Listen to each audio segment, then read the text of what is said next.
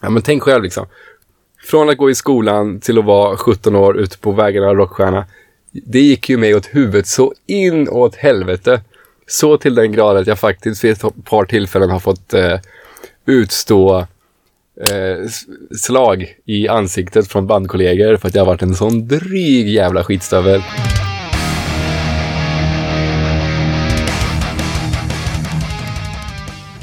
För sista gången i år säger jag varmt välkommen till Rockpodden. Mycket trevligt att du har tänkt att spendera en stund här med oss. Idag blir det lite julavslutningsfeeling. Det blir både glögg och eh, diverse tilltugg under dagens avsnitt. Dit jag har bjudit in en mycket, mycket trevlig herre. Erik Bäckman, även känd som Katten eller Cat Casino. Han är ju tillbaka nu som gitarrist i Death Stars, men han har ju även synts de sista åren ihop med Hank von Helvete. Allt det där och en massa annat kommer vi såklart få höra mycket mer om. Det blev ett ganska långt avsnitt det här, men det var ju för att vi hade så himla trevligt. Nu kör vi! 158 episoden av Rockpodden. Erik Katten Bäckman är gäst. Jag heter Henke Branneryd och jag önskar dig en god lyssning. Ja men du, skål då! Ja, trevligt. Vi börjar med den här trestjärniga 21-procentig. Ja, Det här är den bästa glöggen. Idag håller vi oss till glögg. oh. Fan, det var ändå svung i den. Jag ser det, man blir varm, liksom Ja. dubbelt varm. Och man, man blir glad. Glad också. Även någon sån som inte gillar jul som jag blir ändå så här lite... Ja, fan, man skulle ha haft russin också. Det skulle jag ha tänkt på. Ja, fy Jag tyckte fan. det var lite... var lite, lite för lökigt. Ja, men- Komma till en hårdrocksstudio. Två vuxna karlar sitter och delar på ett russinpaket. Ja. Ja. Nej, jag tycker man dricker utan så här. Men vadå, man kan väl gilla glögg fast man inte gillar julen? Ja, du uppenbarligen är ju lagd åt det hållet. Men jag fick intryck av det när jag frågade dig om idén av liksom upplägget för det här.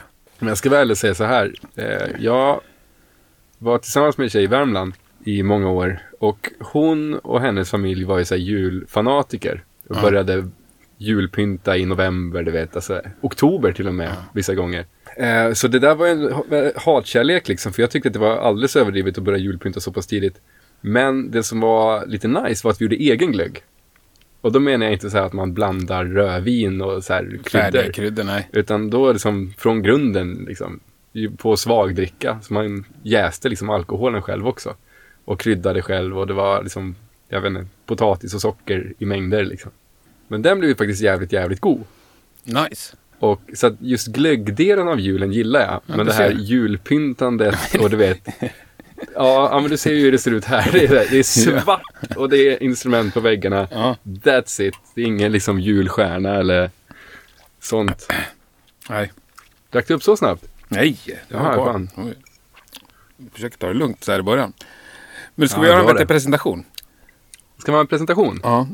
Ja, Kör vi är jag? på riktiga namnet eller kör vi artistnamnet? Nej, alltså båda är ju officiella så det går ju bra liksom. Ja. Eh, Vilket som. Alltså, jag tror väl att det är väldigt, väldigt få människor som känner mig som Erik Bäckman i och för sig. Men eh, de flesta kallar mig för katten. Mm. Katten eller cat. Det har väl blivit standard liksom.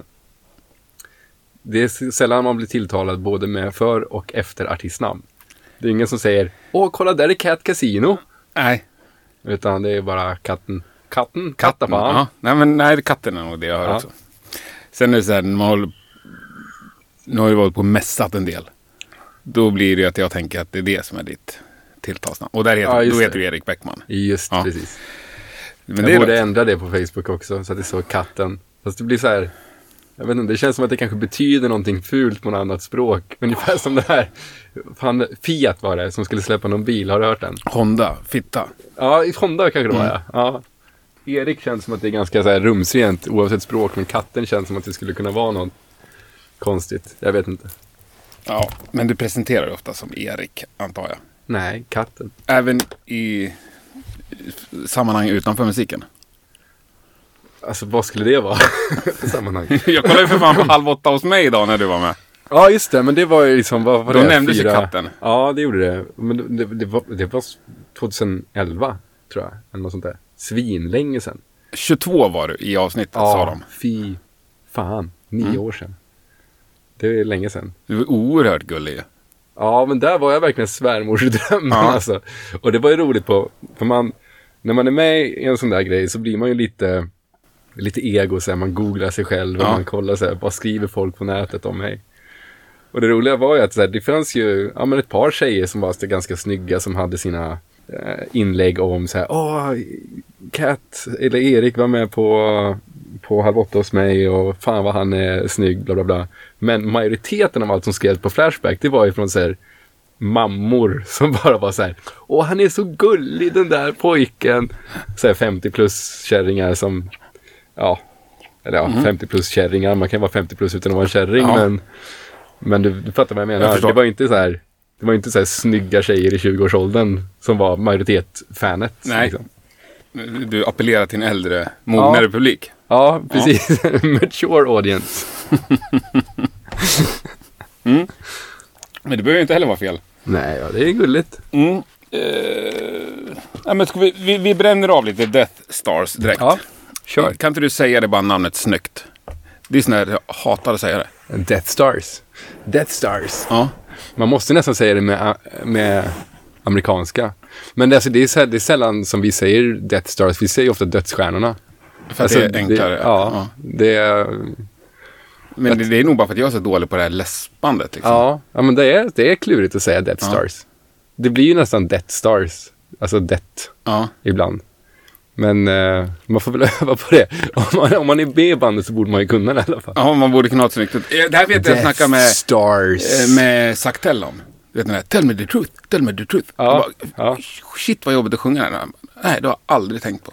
Är Du menar den där The Truth Motherfucker? Ja. Ja, ja den är... Säger det massor av gånger och fort.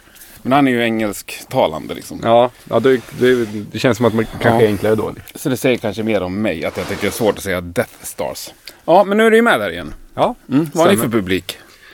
Eh, ja, jag kollade faktiskt det häromdagen på vår Instagram, vilket vad som är vår, vår huvudsakliga målgrupp. Och jag tror att det var 18 till 35. Med en peak på mellan 30 och 35 någonstans där. Och eh, faktiskt till min jättestora förvåning så hade vi ungefär, för vi har ju alltid, när vi är ute och spelar så är det ju alltid liksom ett par rader med tjejer längst fram. Liksom. Är det så? Ja, men nästan så här, lite pojkbands Ja. liksom. Eh, och sen så när jag kollar på Instagram då har vi liksom 60% i killar och bara 40% var tjejer. Så jag blev jätteförvånad för jag trodde att vi var lite av ett så här tjej, tjejrockband. Liksom. Men ni har ett par rader tjejer alltså? ja, alltså det är klart att det står någon kille där också Ja. men det är ju majoritetsvis så är det ju tjejer som står längst fram. Ja. Vi, vi är ju våra karaktärer så att säga. Det är det som jag, jag gillar det med Death Stars, att vi har ju verkligen vi är så olika allihopa som är med i bandet. Om man kollar på Skinny, liksom, han är ju ett unikum av människa. Mm. Och Andra avsnittet i rad vi snackar om Skinner. jaså? Ja, ja, han han. är ju en sån här som alla vill prata om. Ja. Han, han är god. Verkligen. Vad var det förra avsnittet? då? Nej men eh, det var han som tipsade om förra veckans gäst. Mhm. Och ja, så enkelt var det. Därför kom han på tal. Coolt. Mm. Han, är, han är en bra kille. Nej, men så jag gillar det här att vi, man har lite olika karak- karaktärer. Liksom. Det är som, om alla kan ha sin favorit i bandet. Ungefär som, som många gamla rockband, liksom som Mötley Crüe och Kiss och sådär. Man hade, alla hade sin favorit. Liksom. Mm. Och så blev det ju med, med oss också ganska, ganska omgående efter att jag gick med första gången. Ja, för sen hoppade du av. Ja. 2013. Ja, eh, precis. Om det var, kan, jag kommer inte ihåg riktigt, men 2012 eller 2013 någonstans där. Vi börjar med varför ändrade du i år för att komma tillbaka liksom? Eh, det är faktiskt så här eh, att när jag flyttade tillbaks till Stockholm för en tre och ett halvt år sedan. Eller något sånt där. Då eh, gjorde jag det. Eh, om man ska... Ja, om vi tar den korta historien då. Mm. Så jag, efter mycket om men så skulle jag flytta tillbaka till Stockholm. Och då hörde Emil av sig och sa att men fan ta min lägenhet. Jag ska flytta ihop med min tjej. Och då gjorde jag det. Jag tog över hans lägenhet. Eh, och bodde där och bor fortfarande där idag. Och det ledde ju liksom till att vi började hänga mer. Liksom. I och med att jag var tillbaka i Stockholm så började vi träffas och snacka mer och mer. Och och där någonstans, redan när jag flyttade hit för tre och ett halvt år sedan så, så började det fröet att växa. Och sen då ungefär i samband med att, eh, att jag började jobba tillsammans med Hank så, mm, så bestämde vi oss för liksom att okej, okay, den här sommaren så kommer jag komma tillbaka i bandet. Eh, och sen så gjorde jag det. Ja och är, är tillbaka nu liksom. Så att det blev väldigt naturligt liksom. Jag var tillbaka i Stockholm, vi började hänga mer och mer. Insåg att det fan var kul att hänga tillsammans mm. med de här killarna. Och eh, så helt naturligt liksom. Ja, men varför sluta då? Det blir ju det naturliga. Ja, alltså man kan väl säga så här. Jag tycker det är taskigt att vara med i ett band om man inte brinner för det helhjärtat. Därför mm. att man, man som drar fötterna efter sig lite. Och vi gjorde ju extremt mycket gig och mm. jobbade extremt hårt, extremt länge. Eh, och en stor del av varför jag hoppade av var att jag kände helt enkelt inte att jag hade energin och orken att fortsätta på det, på det sättet och på den nivån. Eh, och faktum är att efter det så tog det mig ungefär en, två, tre år innan jag ens började skriva musik igen. Okay. Så det var en overload av, av musik och turné som... Så det var inte så att du ville göra något annat? Liksom, utan du ville Nej, bara inte göra någonting? Jag, jag, jag ville bara liksom nollställa mig själv, ja. tror jag. Och liksom börja om på ny kula och... För ni var också ruskigt unga när ni började. Ja, de var ju, de satte igång bandet 2000 tror jag. 2000 eller 2002 mm. kom första kom första låtarna liksom med Death Stars. Och de var väl, jag vet inte vad de var, 25, 26, 27 kanske då. Och, eh, men jag gick ju inte med förrän 2005 och då var jag 17. Ja, det kanske var du som var väldigt ung. Ja, ja, så jag var ju liksom, jag fick ju ljuga om åldern. För det roliga var, om man ska ta storyn om så här, hur kom jag med i bandet också. Eh, så var det som så att jag var ju lite av en skitunge när jag var liten och var ute och festade på klubbar och sånt där. Redan innan jag fyllde 16 år. Och eh, faktum är att jag spelade skivor på, på Rox redan som 16-åring. Så det var där som jag började med det. I... Och, Vart är vi nu? I Stockholm. Jaha. Ja. Jag, jag, jag kommer ifrån, man kan ta det också. Jag kommer ju från Stockholm, född och uppvuxen i Stockholm. Träffade den här tjejen när jag var 18. Eh, hon som jag gjorde glögg mm. tillsammans med. Mm. Och då flyttade jag också till Karlstad där hon bodde. Eh, och flyttade tillbaks då till Stockholm den, eh, ja, året efter att jag gjorde slut någonstans där. Eh, så så är det med det. Men då var det som så i alla fall att i Stockholm, ute och festar, och jag var ju liksom, det här var ju under liksom den här nya slisvågen som kom liksom med Crash Diet och alla de här banden. Så att jag gick omkring med världens största frisyr, det var liksom tajtaste skinnbyxorna i hela världen, det var högklackade cowboyboots, det var liksom något, jag mig att jag hade ett linne på mig som, som eh, det såg så här fuck off på eller go to hell eller något sånt där liksom. Bara så här, världens kaxiga lilla 16-åring. Och Dave LaRox hade precis öppnat en ny klubb det var premiär för den här klubben och han hade hyrt in massa tjejer då som skulle dansa och vara coola liksom från Nocturnal Models Agency. Där jag också var med eh, på den tiden. Så att jag kom ju dit och kände då alla tjejer liksom och kom med den där frisyren och den attityden liksom. Så jag vet att jag drack eh, whisky ur någon snavel och det var liksom det var verkligen så här, jag kom in där och tog över hela stället. Så Andreas då, Whippen, eh, han kom fram till mig och bara Du, Fan vad cool du är. kan du spela gitarr också? och jag bara såhär, ja, klart jag kan det, vad fan tror du? Men då hade jag ju precis spelat med Gemini 5 såhär, som stand-in gitarrist. Och tyckte att jag var coolast i hela världen. Så jag bara, åh, men vi får väl höras då. För det var en massa såhär dudes som ville att jag skulle spela med dem hela tiden då. Ja, ja. Och jag, jag såg ju dem som gubbar liksom. De var mm. 25-26 år, men jag var ju bara 16 eller 17. Mm. 17 var jag nog då. Men sen så insåg jag ju liksom att, fan, jag började tänka på det där, fan Death Stories, vad fan, vad fan, jag känner igen det någonstans ifrån. Och då insåg jag att jag hade ju sett dem på Voxpop redan liksom ett par år innan mm. det här. Eh, och tänkte att fan, det var ju coolt ju. Och att ett band som ändå är, liksom, är så pass stort att de är med på, på Voxpop och sånt här vill att jag ska vara med. Eh, det var ju verkligen någonting som, då kändes det som att, ja men det här vill jag göra. Och då fick jag ju börja ljuga om min ålder, för då fattade jag liksom att det, det här kommer inte gå om de får veta att jag är, är minderårig. Liksom. Men eh, efter mycket tjat i alla fall så fick jag eh, komma och provspela. Och, eh, Fick vi- du tjata dig till provspelningen? Jag fick tjata mig till ja. provspelningen sen. Liksom. För de fattade ju att jag var väldigt ung. Ja. Eh, de visste ju inte att jag var minderårig, men de visste att jag var en liten Snorunge sparvel. ändå. Liksom. Ja.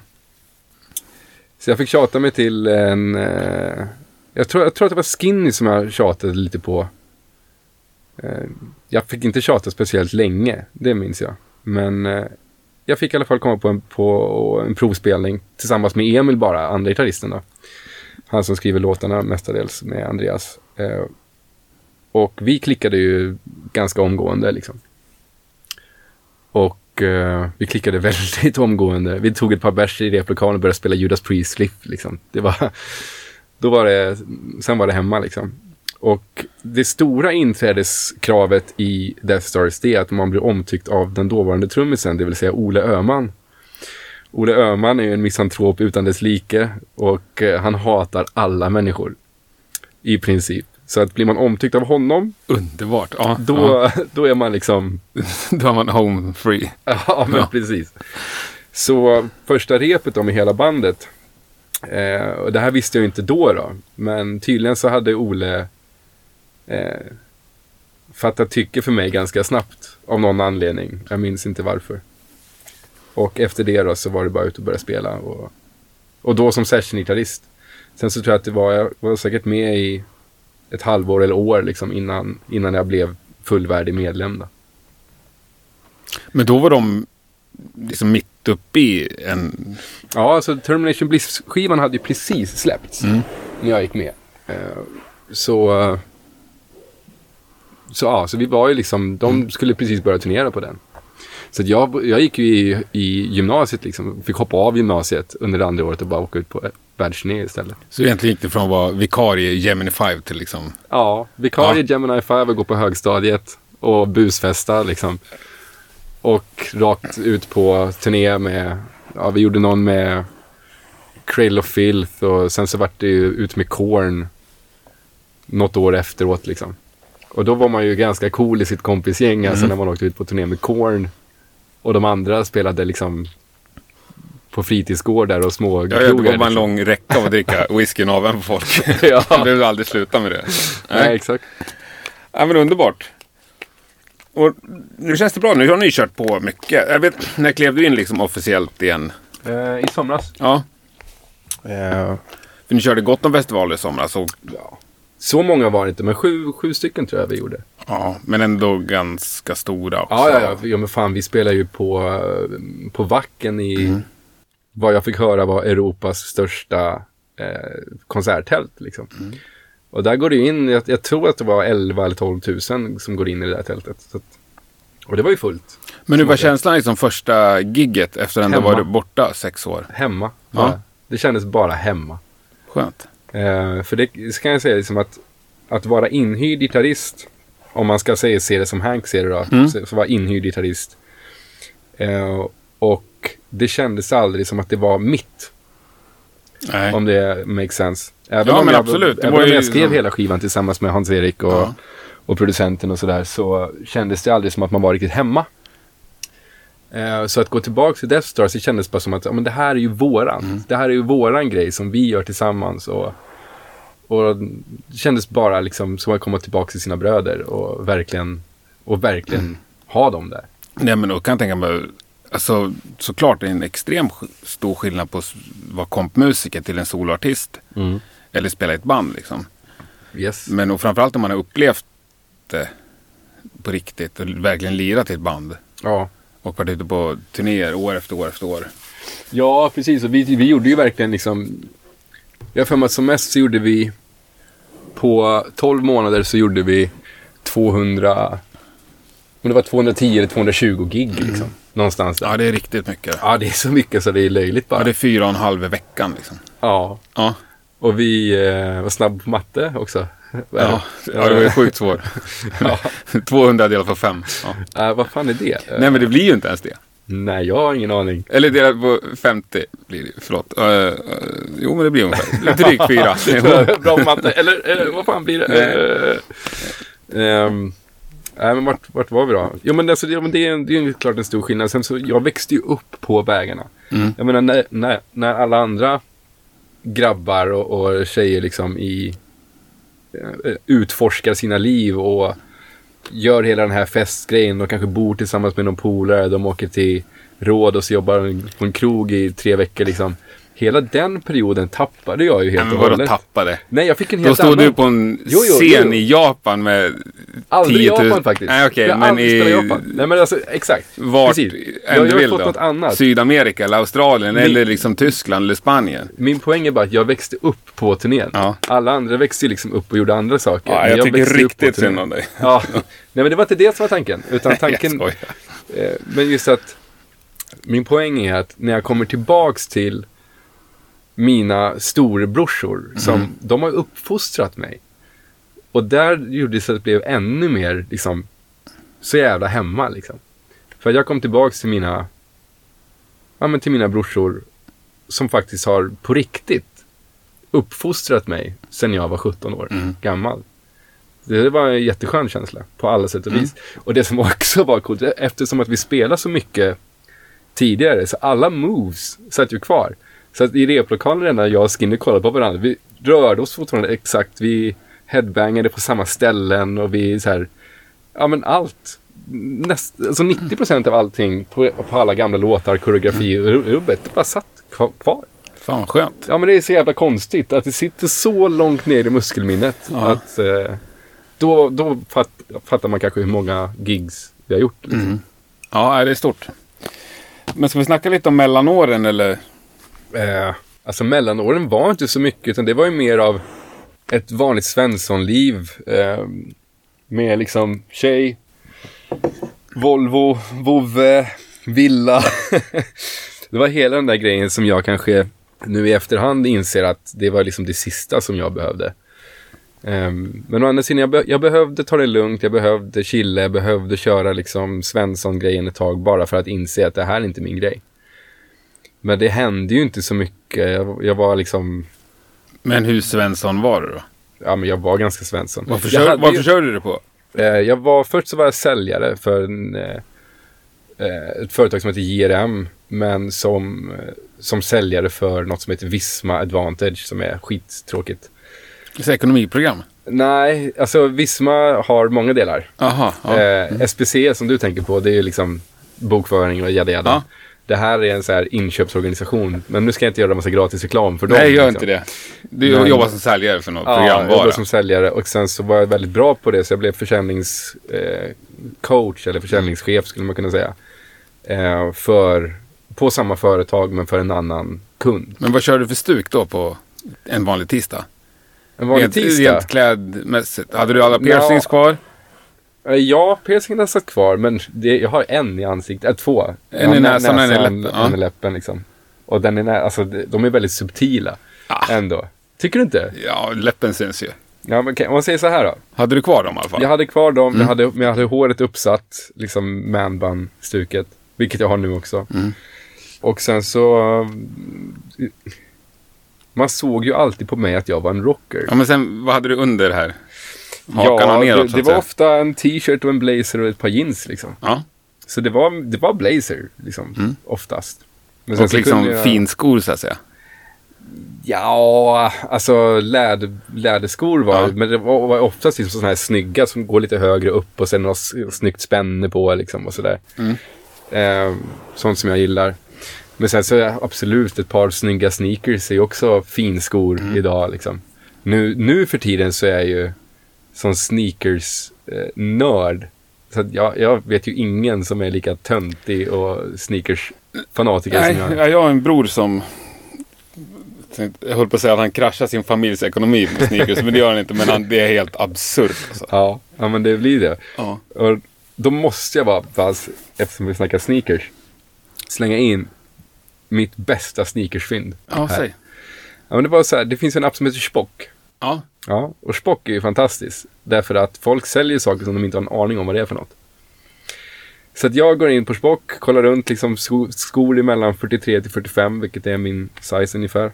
Och hittar ett par, hör på det här, original Yo MTV Raps Puma High Tops. Alltså från 95 Ja, jag, jag tror att de är 99, Ah, okej, tror jag, ja. så här, 99 eller 2000. Men ändå så här gamla. I princip oanvända. Och han säljer dem för 175 spänn till mig. Och de är så Stort. jävla snygga. De är, liksom, de är rosa, vita och gula. Alltså det är så 90-tal så det är Ja. helt sjukt. Och så jävla snygga. Så det, det är mitt bästa Vad är de värda på marknaden då? Alltså nu har jag ju tyvärr använt dem rätt duktigt. Men de, alltså, de säljs ju kanske för 5 000 någonstans. 5-6 kanske. Men det finns mycket kopior i den där branschen har jag förstått. Ja, men in, det här är... Nej, inte på Joe MTV Raps kanske, Nej. men överlag. Alltså ja, men det gör det säkert. Eh, Det gör det. Jag brukar alltid köpa från, alltså köper jag nya sneakers så köper jag det från väldigt vettiga återförsäljare. Liksom. Ja. Som, ja, men, där alla köper sneakers. Footlocker eller vad fan som helst. Eh, eller JD eller vad fan de heter. Ja, du håller inte på på nät, med näthandel. Nej, inte så mycket. Det, det, jag, jag har också ett par Star Wars Adidas eh, som också är high tops. Som är väldigt unika. Men de hittade jag second hand på på en second hand-affär i San Francisco. Eh, som är, vad fan heter den?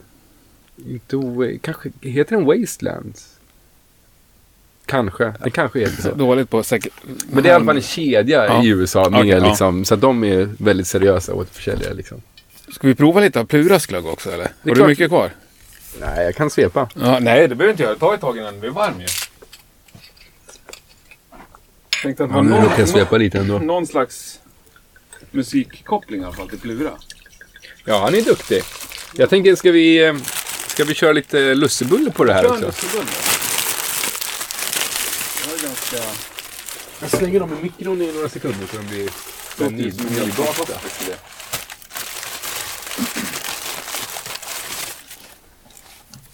Och där är ru- russin också. Där kommer de.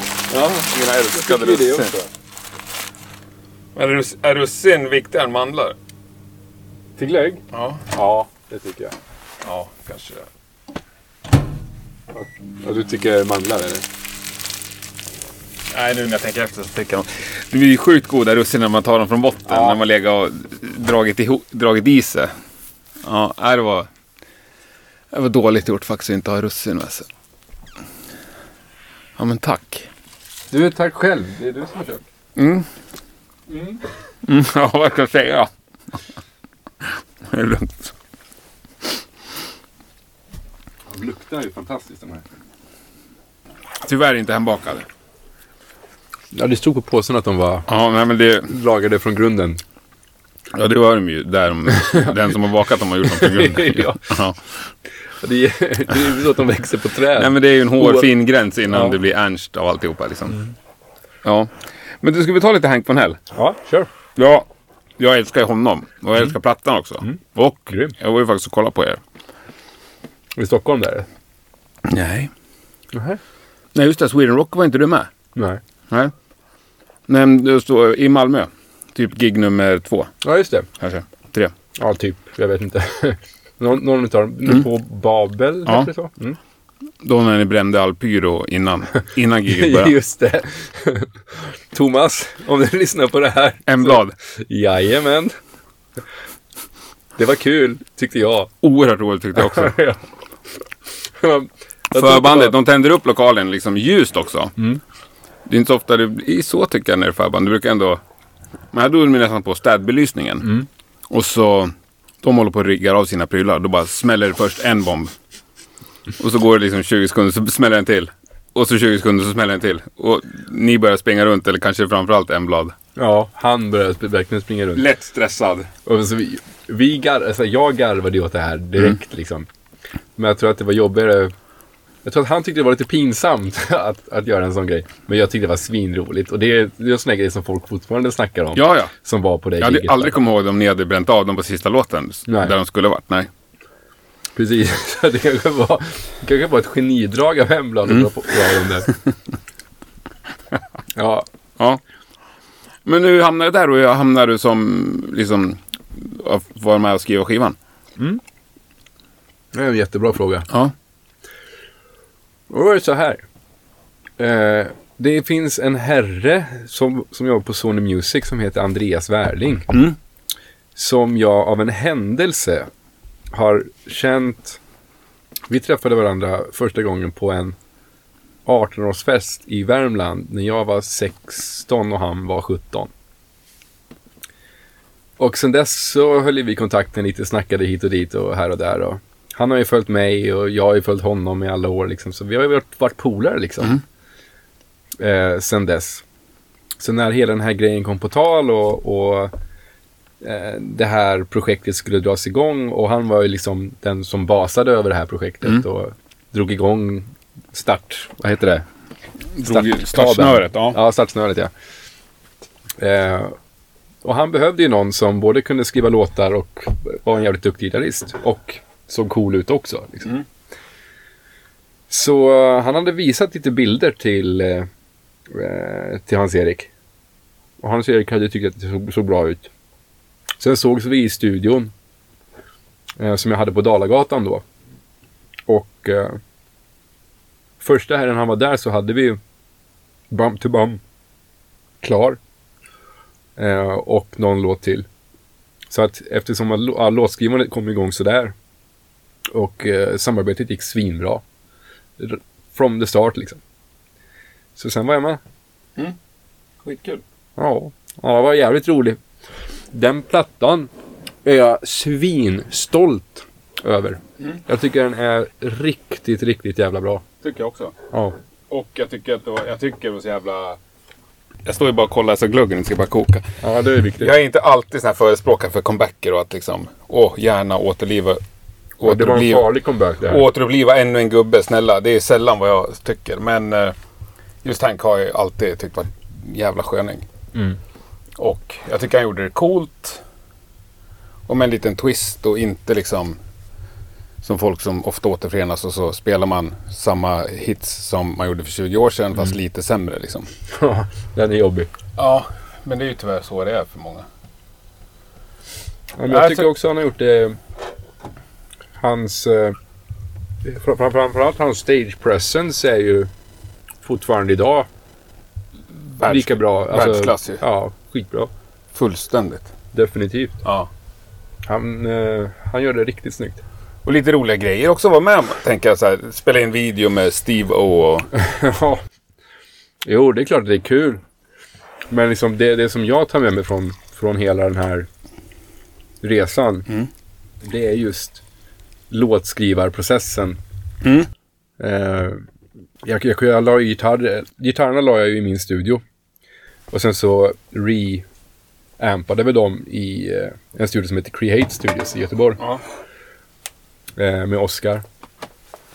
Men jag la ju liksom veckor på att få till gitarrerna som, jag, vill- som jag ville ha dem liksom. Är det du som lirar alla gitarrer? Ja, alltså 95 procent. Ja, mer kanske. Simon har ju lagt lite solo i någon låt. I slutet på Wild Boys tror jag. Och Simon skrev också ett av riffen som eh, Wild Boys bygger på. Eh, så han, han har varit med också och spelat. Men mestadels av gitarrerna är, är jag. Så att de jobbar jag ju svinlänge med liksom. Och få till rätt. Och eh, tycker till slut att jag ändå fick till det ganska bra. Eh, men sen så, hela låtarna skrevs ju liksom i studion på Dalagatan. Jag, Hans-Erik och, och producenten då. Ja, Värling. Ja, Mm. precis. Och hela den processen tyckte jag var kul. Jag, jag tycker om att vara kreativ. Mm. Jag tycker om att göra saker. Jag tycker om att skriva musik tillsammans med nya personer. Men var det något du hade gjort förut liksom? Skriva musik ja. Alltså ihop med någon som du inte känner? Du hade aldrig träffat Nej. honom innan du började skriva låtarna? Nej, precis. Men vi har aldrig sett. För det är lite mer så här amerikanskt. eh, Jag tänker mig en så här låtskrivarstudio i LA och så. Ja. ja, men det är väldigt vanligt att man är låtskrivare i Sverige också. Vi har Jo, det, det vet jag. Men vad det för, om du har gjort det någon gång förut? Nej, inte på det sättet. Nu har jag gjort det lite efteråt. Men, eh, Ja, du har skrivit lite Scarlett va? mm, precis. Vi gjorde en låt tillsammans som kommer med på, eh, ja, de ska släppa den. Mm. Som, eh, ja, den blev jävligt cool faktiskt. Den är väldigt speciell. Men jag, som sagt, jag tycker om att, att skriva musik. Så att det är hela den processen som jag tyckte var absolut roligast med hela Hank. Hela Hank-grejen liksom. Det är kul att ute och spela också. Men eh, framförallt skapa. Att man, man vaknar en morgon, går in i studion. Och sen har man liksom en demo på en låt som inte fanns innan. Som eh, man vet folk kommer gilla och folk kommer uppskatta det här. Liksom. Så man skapar liksom någonting som skänker glädje och skapar någonting hos människor. Liksom. Man väcker känslor. Och det kan ju vara glädje eller att man är förbannad eller vad fan som helst. Liksom. Men, men det händer någonting i en annan människa med den musiken som, som vi tre har skapat tillsammans. Och det är jävligt coolt. Ja, jag kan tänka mig. Svinghäftigt. Ja, jag... Nu måste vi prova Just plura här. Prova Plura. Se om Plura smakar gott. Luktar väldigt speciellt alltså.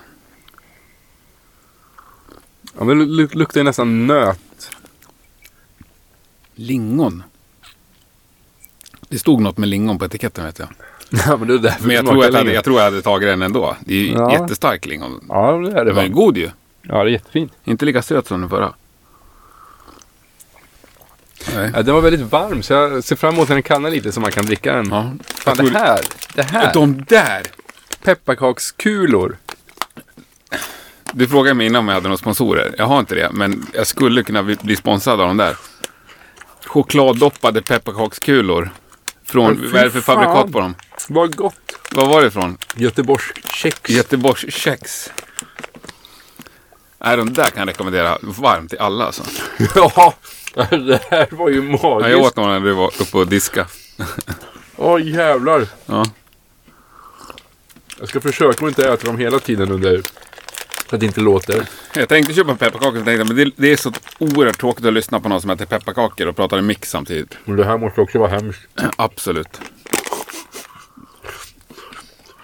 Känner du Danny McKenzie? Ja. Ja, jag brukar alltid tänka på han när jag äter i mikrofon. Han har lämnat in klagomål på det en gång. Alltså. Jag spelade in ett avsnitt en gång när vi satt och käkade middag. Och då gick, Det var bara den. då gick topplocket från honom. Ja. Ja, men annars är jag så jävla, jävla, jävla, jävla dålig på namn. Mm. Eh, Så att, jag tror att det kommer från i och med att jag jobbar med nattklubbar och sånt där. Man träffar Ja. hur mycket folk som helst. Så namn lägger jag sällan på minnet. Så att jag behöver träffa någon liksom 10, 15, 20 gånger innan jag liksom kommer ihåg den personen vid namn. Ansiktet kommer jag ofta ihåg. Inte alltid, men oftast. Eh, men just namn, eh, de, in där och ut där liksom. Ja, nej, alltså, det... Ja. Ja, nej, det räcker. Vi behöver inte gå in på det. Vad- jo, vi avsluta den här Hank-grejen? Ja. Blev avslutet där ett naturligt avslut så att säga?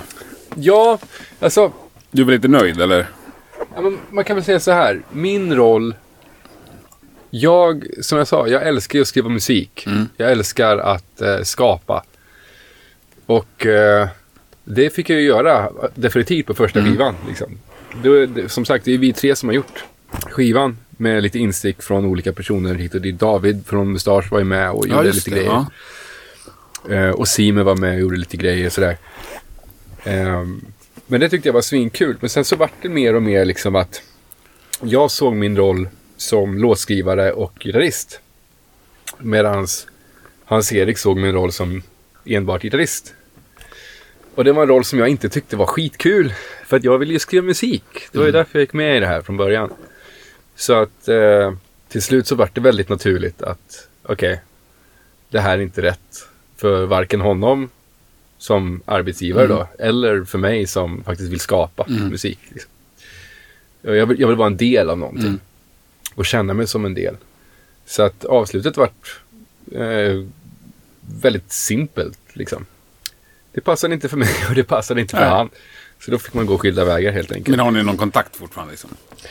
Eh, nej, alltså En likar en bild han lägger upp? Ja, alltså det är verkligen fr- från, eh, alltså jag, jag tror inte att det är någon, några hard feelings Nej. från någon liksom. Nej. Men det var ju inte, Jag tror att han har pratat om det här faktiskt i Rockpodden. Alltså? Ja, på, Jo, men det vet på jag. Sweden Rock. Ja. Jag vet att vi pratade om det, men jag kommer inte ihåg något. Men jag kommer i alla fall ihåg att det inte var något bad blood på något sätt. Nej, men det är det inte. Och det hade varit jättekonstigt om det var det. Vi, vi har skapat en helt fantastisk skiva tillsammans. Eh, så det vore jättekonstigt konstigt om man på något vis eh, ogillade varandra efter en sån Ja. sak. För att vi har ändå spenderat extremt mycket tid tillsammans och, och gjort det där. Eh, men sen så passar man liksom inte ihop på alla plan Nej. med alla människor. Och eh, vi är olika, vi är väldigt olika. Och, eh, men som sagt, det, det är ingen bad blood och man, man gillar varandras bilder hit och dit. Och nu var det ju väldigt synd liksom för att jag hade ju velat, eh, alltså, och, och de andra grabbarna i bandet är helt fantastiska också. Så jag hade ju verkligen velat gå när de spelade på Debaser här. Mm. Men samma kväll hade jag ett event som jag var tvungen att styra i också. Mm. Eftersom att jag håller på med nattklubbar och bla bla bla. Så det gick tyvärr inte. Eller, det hade gått, men då hade jag ju fått avstå ett jobb som hade kostat mig x antal tusen kronor att missa. Liksom. Och även om jag älskar grabbarna och, och tycker att det är svin, har varit, varit svinkul att se hur de framför låtarna live Ja. liksom, eh, utan mig. Så är det inte värt så många tusen Nej, jag förstår. Nej, jag tyckte de, utan att på något sätt välja sida så, det är skitbra på Sweden Rock. Sen har inte jag sett dem sen dess. Ja, ja men det, Ja. det, det tycker jag. Och Jonas som har tagit över gitarren efter mig. Han är ju en fantastiskt bra kille. Eh, och eh, jag vet att han är väldigt dedikerad att eh, se till att låtarna framförs på ett respektfullt sätt. Mm. Och det uppskattar jag jättemycket. Han sa det till mig någon gång att eh, Fan vad svåra grejer du har skrivit. Men han, eh, han sätter det ju liksom. Så han har, fått, han har fått öva några timmar. Men han sätter det. Och det är, det är jag jätteglad över. Så ska det vara. Men tycker du att man ska plocka solon ton för ton? Det beror på vad det är för musik. Är det ett eh, Deep Purple jam på 15 minuter, Ja. då ska det ju jammas. Mm. Men annars är jag väldigt, eh, jag gillar ju låtar. Mm. Och... Eh, Ja, men jag tänker man- just gitarrsol. Ja, det tycker jag man ska... Man, man, man kan lägga till smaker i det. Men så här kan man väl säga. Om, eh, om, man, ser, om man ser det som en måltid Mm. så kan du inte byta ut en, eh, vad ska man säga, en plankstek mot ett hallon. Det Nej. måste ju vara liksom en plankstek, fast du kanske kan lägga lite hallon på. Och lägga till, kanske ta bort en centimeter på planksteken och lägga till lite potatis där istället. Liksom. Mm. Men att ta bort hela planksteken, det tycker jag är respektlöst. Jag hör dig. Jag tycker det är en intressant fråga just. Ja, men det är faktiskt det. Och det är många som så här, tycker väldigt olika i den där frågan. Jag, jag skiter ju i det egentligen. Jag, jag skiter så. också i vilket, men det är så här. Alltså så här, typ om vi kommer ner på att spela gamla ACDC-klassiker. Mm. Det spelar ingen roll om du står på Anchor 55 pers. Alltså, alla kan solot, varje Ja. ton. Då måste du spela det, för det är liksom en del av låten. Ja, och Spelar tänk, du tänk att cover höra... på Final Countdown, då är gitarrsolot Ja. en del av låten. och, och jag vill ju tro att mina solon som jag har skrivit är minst lika bra som... Det är nog säkert, men de är inte lika episka som ACDC eller Final Nej, Countdown. inte- än. inte än, Inte än. precis. Om 30 år kanske. Ja, det är bara att hålla tummarna. Mm. Ingen skulle bli gladare än jag. Nej. Och Hans-Erik då. Han skulle också bli glad. Strömmar in och cash från Spotify, eller? Spotify, skojar du eller? Mm. Vet du hur mycket pengar man tjänar på Spotify? Nja, fast de som streamar mycket tjänar ju mycket. Ja, så jag, det har inte jag någon exakt koll på hur mycket skivan har streamat totalt sett. Men jag tror att totalt sett så är streamsen i alla fall under två miljoner. Ja. Eh, och sen så finns det ju massa olika delar av, ehm, av vad Spotify betalar ut. Så en viss del går ju till låtskrivarna, en viss del går till skivbolagen, en viss del går till artist och sådär. Eh, och vad låtskrivare får, alltså stimpengar, det är inte några jättesummor. Jag vet, Bam till Bam, den är inte ens uppe i en miljon. Nej. Det är faktiskt, det är ju oförskämt lite. Ja, jag tyckte också att För det var... sån- Men vi har ju sålt ganska mycket skivor. Ja. Och det är det som jag tyckte var coolt också med, med den här grejen att Hanks, alltså Turbo Negro-fans och Hank-fans, de köper ju skivor. Mm. Rockers köper skivor på ett helt annat sätt än vad, vad andra gör. Liksom. Så att, Andreas sa någon, nå, någonting någon gång om hur man kan räkna om eh, skivförsäljning till streams. Mm. Alltså för att kunna få en vettig siffra på att jämföra med. Du kommer inte ihåg exakt vad han sa, men om man räknar på det sättet så är det i alla fall definitivt väldigt, väldigt, väldigt, väldigt många fler streams Mm. än en, eh, en miljon, så att säga. Men ni i bandet, så att säga, blev ni liksom påverkade på något sätt av den här turbojugend-prylen? För i Malmö vet jag då gigget, då var det ju någon sån här motdemonstration typ. Och de hade någon... Nej, alltså sånt där, så säga, jag håller mig långt ifrån det där. För att, alltså, jag tycker... Eh, jag tycker att många är väldigt dåliga på att lägga saker bakom sig många gånger. Vilket blir jättetråkigt för att det påverkar bara framtiden.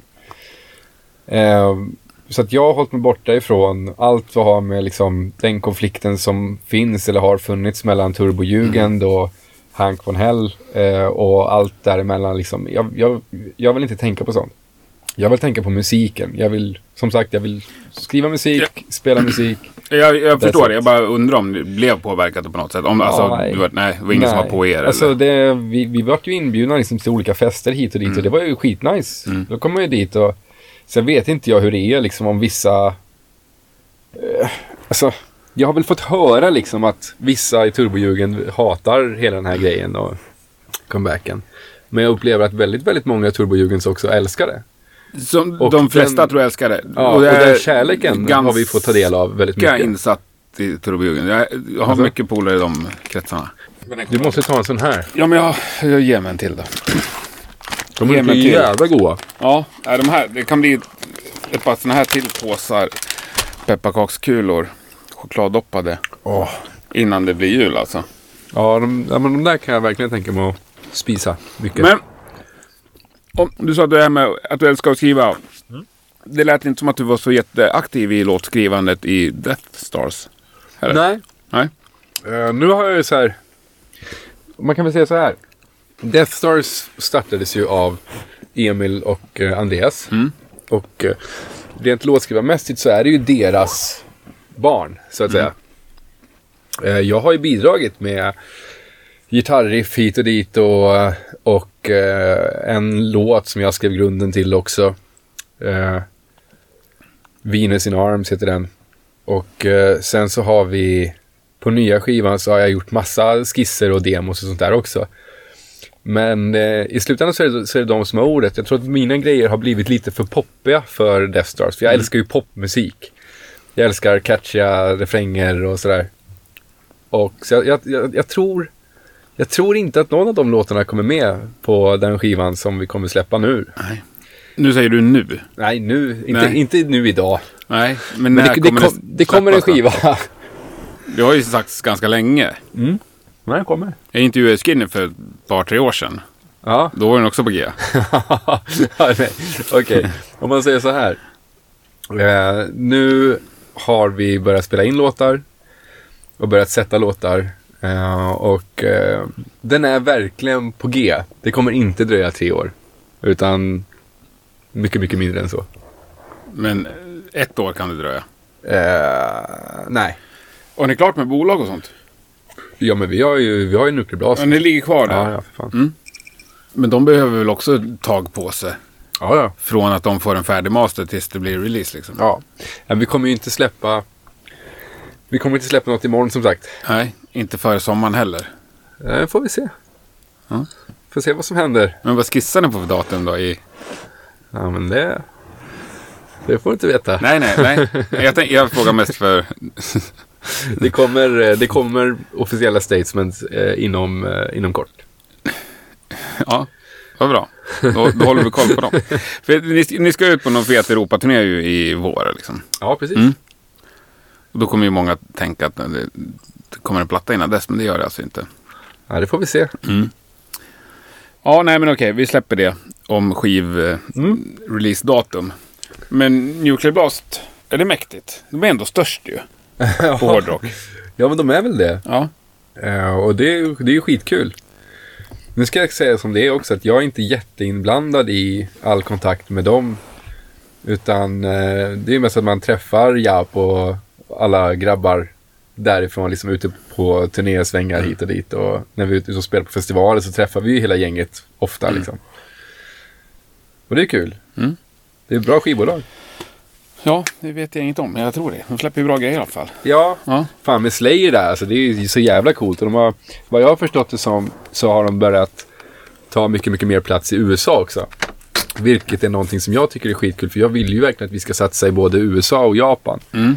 Jag älskar ju liksom både J-rock och K-pop och allt däremellan. Liksom. Av någon anledning så har jag alltid varit fascinerad av, av Asien. Så att jag vill ju verkligen att vi ska iväg dit och... Vad är J-rock för något? Ja, men japansk rock. Men K-pop det är Yohio-grejen va? Nej. Jo. Nej, K-pop det är Gangnam style typ liksom. Fast mycket nyare. Det finns ett band som heter Blackpink exempelvis som är svinbra. Jag kan spela upp sen på det. Ja. Eh, men det är ju som, det är, det är verkligen pop, pop, pop Men musik. vad kallar Yohio sin grej då?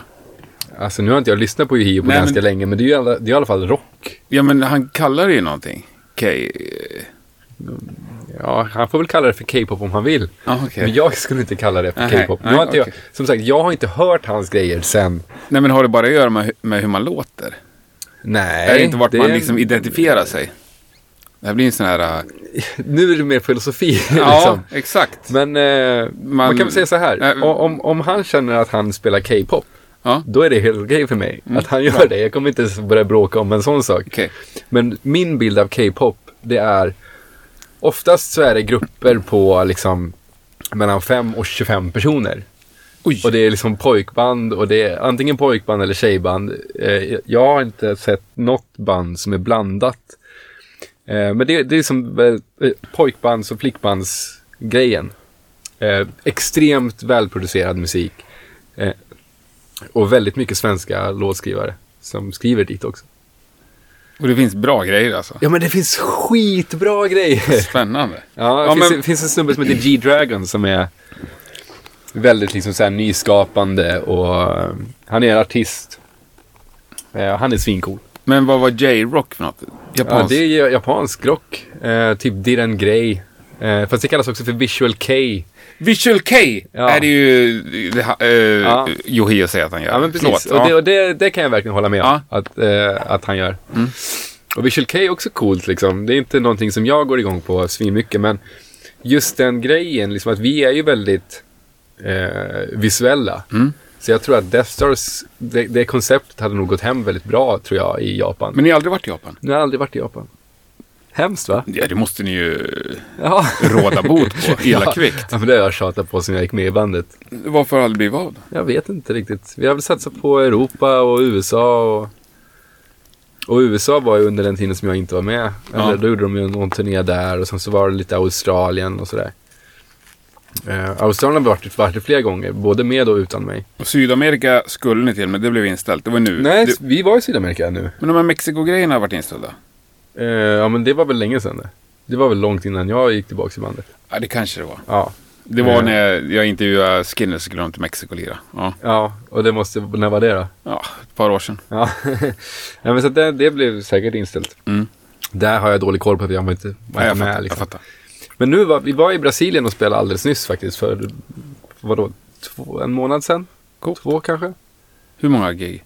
Ett. Åkte till Brasilien, ett gig och sen hem. Mm. Fan vad schysst. det var så jävla gött var det. Ja. Jag är så oerhört avundsjuk på allt sånt där. Ja. Vi hade, vi hade otur med vädret. Mhm. Vi hade, vi hade en fin dag. Spelar väl helvete ingen roll. Jo, men det är klart, man åker till Brasilien, då vill man ju liksom ligga och gassa liksom någonstans på något. Ösla tid på det. Ja, Men det är ett land att uppleva. Jo, jo, men vi har ju varit där förut. Ja, ja, Alltså, är inget nytt. det är ju skitlitet, Brasilien. Ja, Jag har ja, sett allt det här. Sao Paulo, det är liksom...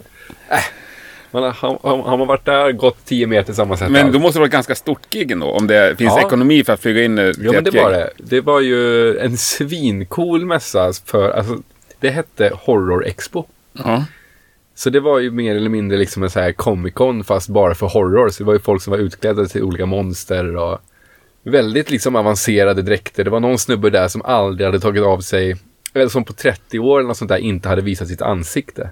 Han hade en mask på sig hela tiden. Jävlar vad true. Ja, Då är man riktigt jävla true. Ja. Sen så vet man inte vad som är sant och inte. Liksom. Nej, men, det, det är eh, klart det är sant. Ja, jag hoppas Jag vill det. ju inte höra något annat. Nej, jag hoppas verkligen att Ja. det är det. För det är, det är så jävla coolt. Det hör jag att det är sant. Men det roliga var att även på den så var det liksom, det var ett K-pop-band som var där på, med fyra eller fem tjejer som, som och det som är coolt med K-popen också är att de, de har sån jävla koreografi. De är så proffsdansare och de blir ju tränade som de är liksom fyra, fem år gamla att bara bli artister liksom. Är det här sant? Där? Det är helt sant. Det här låter som en västerländsk myt Kolla upp av det. Kolla upp det. Östasien. Look it up. Look it up. Det är så jävla hårt. De blir invalda i någon slags akademier Ja, för att bilda band. ja. Eller för att, skiv, för att skivbolagen ska kunna använda dem till att bygga band. Ja, det här måste jag kolla upp. Det måste du Du kolla får upp. skicka någon dokumentär om Det det. är, en, det är en sjuk värld. Ja. Där, eh, eh, där artisterna, alltså, de ägs utav skivbolagen. Ja. Eh, och de får, alltså, Som anställda. ja. Som en, Jag har en som, en anst- som en vanlig anställd ägs av sin arbetsgivare. Nej, alltså nu snackar vi ju att de inte får, de får inte ha privatliv, liksom. Eh, jag har en tjejkompis som var manager för ett K-pop-band för, jag vet inte, tio år sedan kanske. Som berättade en massa stories om att här, de, de, de bodde i en lägenhet ovanför henne. Ja. De fick inte gå någonstans utan eskort. Eh, det var knappt att de fick åka hem liksom över holidays liksom. Och, Det är liksom. Flickvänner, det fick de inte ha liksom. Det var, och om de skulle ha det så fick de ha det. Men super, super, super, super hemligt liksom. Det Det, det låter lite som så här...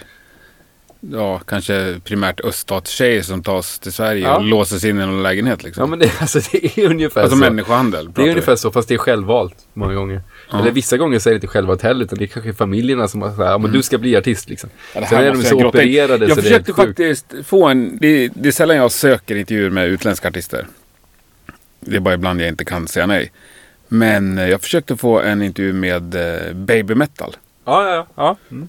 De gav inga intervjuer. ja men det är ju, det är kul. En, en polare till mig har skrivit en låt åt dem. Coolt. Men de är ju, det är ju, tror jag, japanskt va? Ja. Ja. De kunde tydligen inte ett enda ord engelska. Liksom. det kan jag nog tänka mig. Ja. Jag som sagt, jag har aldrig varit där. Så jag ska åka till, till Thailand nu över nyår och, och sådär. Men det är min första gång i Asien överhuvudtaget. Och jag har ganska dålig erfarenhet Men du har aldrig åkt till Japan? Nej. Nej. Nej. Och det stod mellan antingen fira nyår i Tokyo eller Thailand. Bara i Thailand så är det ju sol och varmt och gött. I Tokyo är det inte det. Nej, nej det är sant. Det blir nog bra i Thailand också. Ja, det blir säkert jättemysigt. Ja. Ja, men kommer fram, nej, vi kommer inte fram till det här. Vart gör du av din kreativitet nu? Och nu så skriver jag mycket musik. Alltså, Till? eh, ja, men nu senast var det Scarlett. Mm. Innan det så har jag jobbat med Sungen exempelvis. Eh, sen så har jag jobbat i en, med en stor artist också och skrivit en låt till, eller varit med och skrivit en låt till. Eh, som jag inte får säga därför att vi ligger i en twist just Aha. nu. Eh, och sen så... Twist gällande om du har skrivit låten eller inte, eller vadå? En twist. Ja. Eh, och sen, och sen, efter, sen så håller jag ju på med en artist som jag verkligen, verkligen vill ska våga släppa. Det är, det är en, ganska känd musiker inom rock, svensk, eh, som är extremt bra på att eh, eh, han har en väldigt speciell röst som jag tycker är svincool. Så vi har skrivit lite låtar tillsammans. Men han är inte känd som sångare, eller vadå? Nej, det är han inte. Han är Nej. känd som gitarrist. Mm. Och låtskrivare då. Eh, och jag tjatar på honom senast idag faktiskt. Att fan, vi måste släppa det här. Det är, det är så jävla bra liksom. Jag tycker verkligen det. Och det är, det är liksom väldigt, väldigt långt ifrån rock också. Det är mer åt, liksom, det finns en ny trend som är typ emo-musik blandat med trap, hiphop typ liksom. Eh, och det är det stuket på den, den musiken. Men sen håller jag på att skriva musik liksom mot, eh, mot ett japanskt, eller ett svenskt förlag som jobbar väldigt mycket mot Japan. Mm. Men där har jag inte lyckats sätta några låtar än. Fan. Nej, men det kommer. Ja, men det kommer tror jag. Men Sungen, skriver du texterna eller är det han som kommer med dem? Nej, de, de, de har vi bollat ihop tillsammans. Vi har gjort två låtar tillsammans varav en är släppt. Mm. Eh, och eh, den första låten, har du hört den? Fot- Fotbalski Ja, jag har nog lyssnat igenom allt han har släppt. Alltså, jag älskar Sungen. Ja, Sungen hade Rockpodden-mössa på sig idag. Han var ju med i Musikhjälpen idag. Jaha! i rockbådemössa. Så jag älskar Cool. honom. Nej, och jag älskar honom även innan dess. Absolut. Ja, han, är, han är skön liksom. Mm.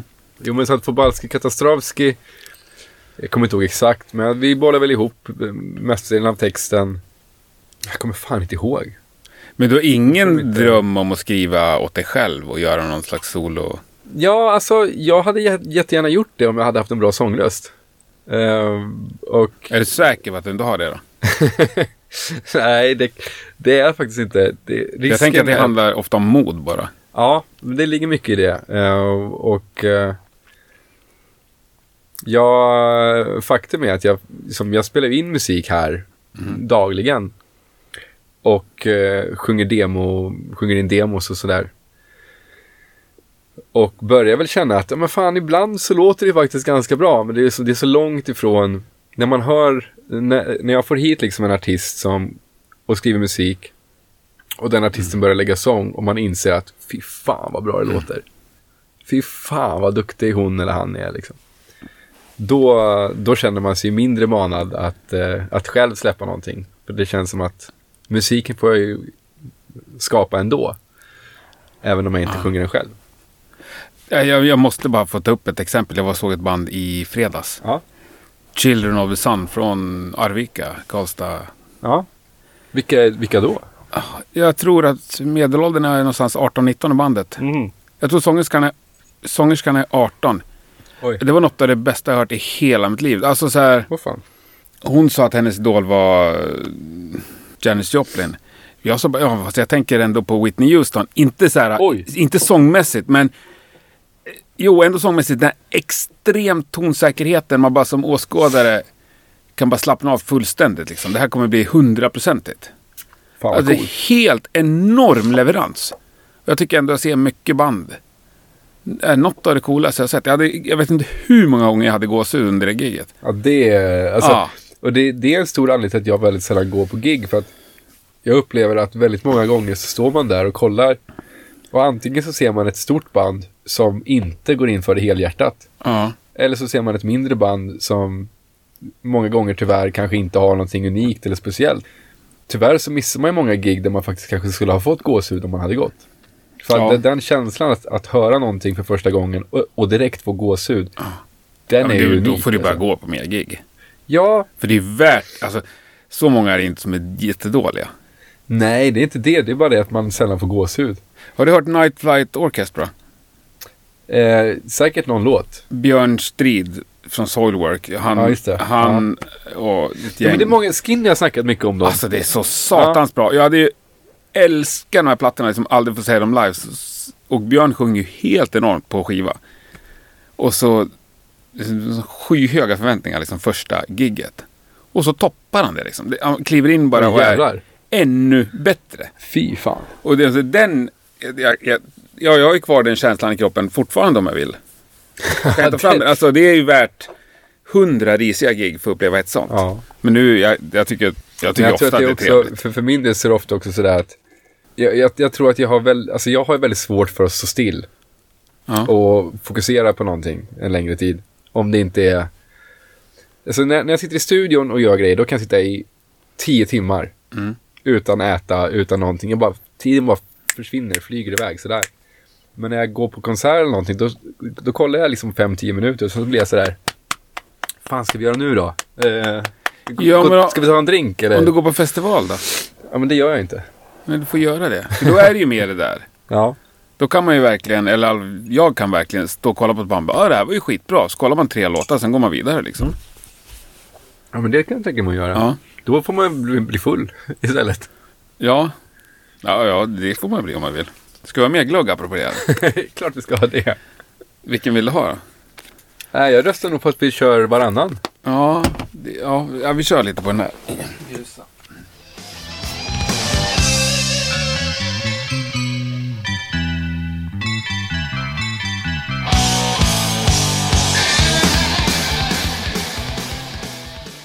Ja, vad har du mer på agendan då?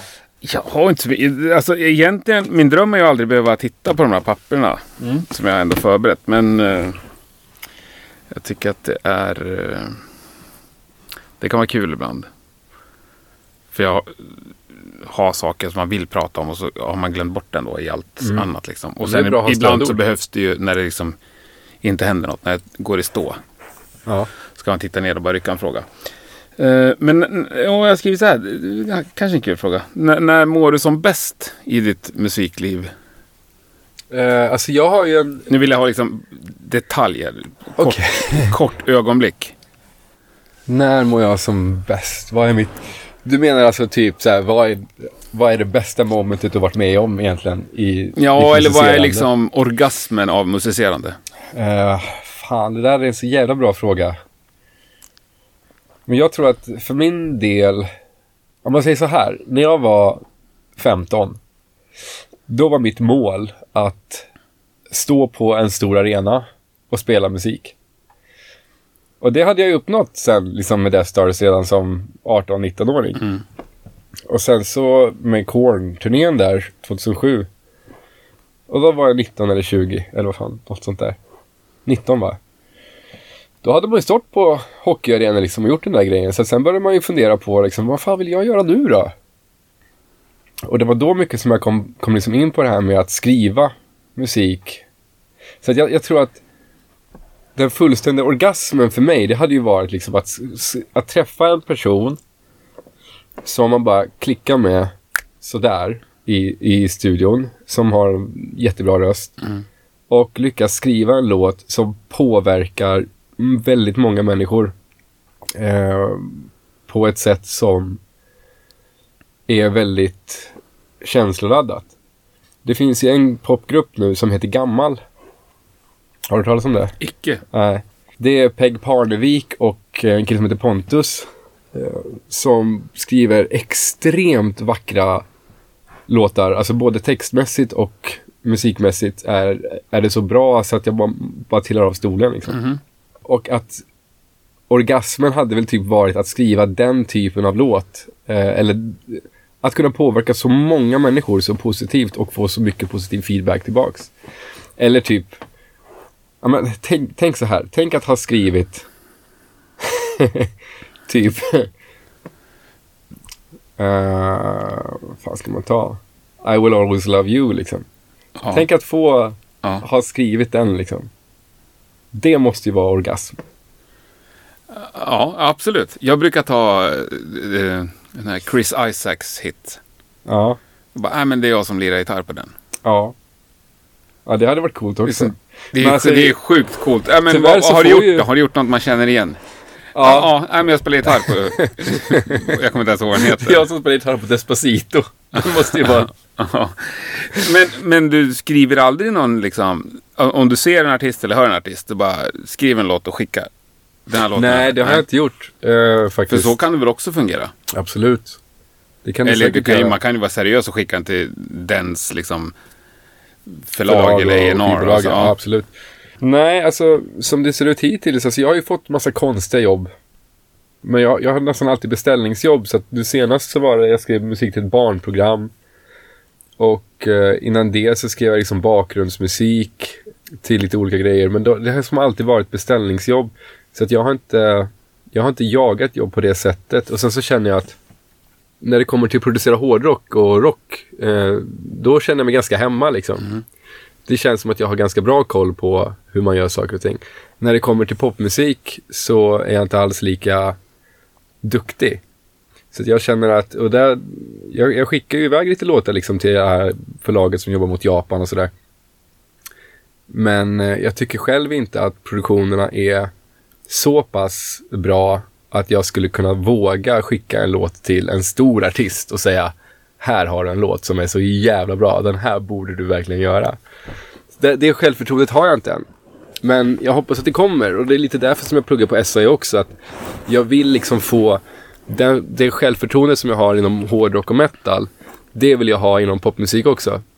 För att jag känner att, jag känner att mitt skapande är inte begränsat till just hårdrock eller metal. Utan jag vill, om jag vill skriva en ballad så vill jag kunna göra det. Om jag vill skriva en, eh, eh en typ Justin Timberlake happy-go-lucky-låt, då vill jag kunna göra det. Jag vill inte vara låst liksom till hårdrock och metal. Och jag känner mig ganska låst till hårdrock och metal nu eftersom att allt jag har gjort har varit hårdrock och metal. Liksom.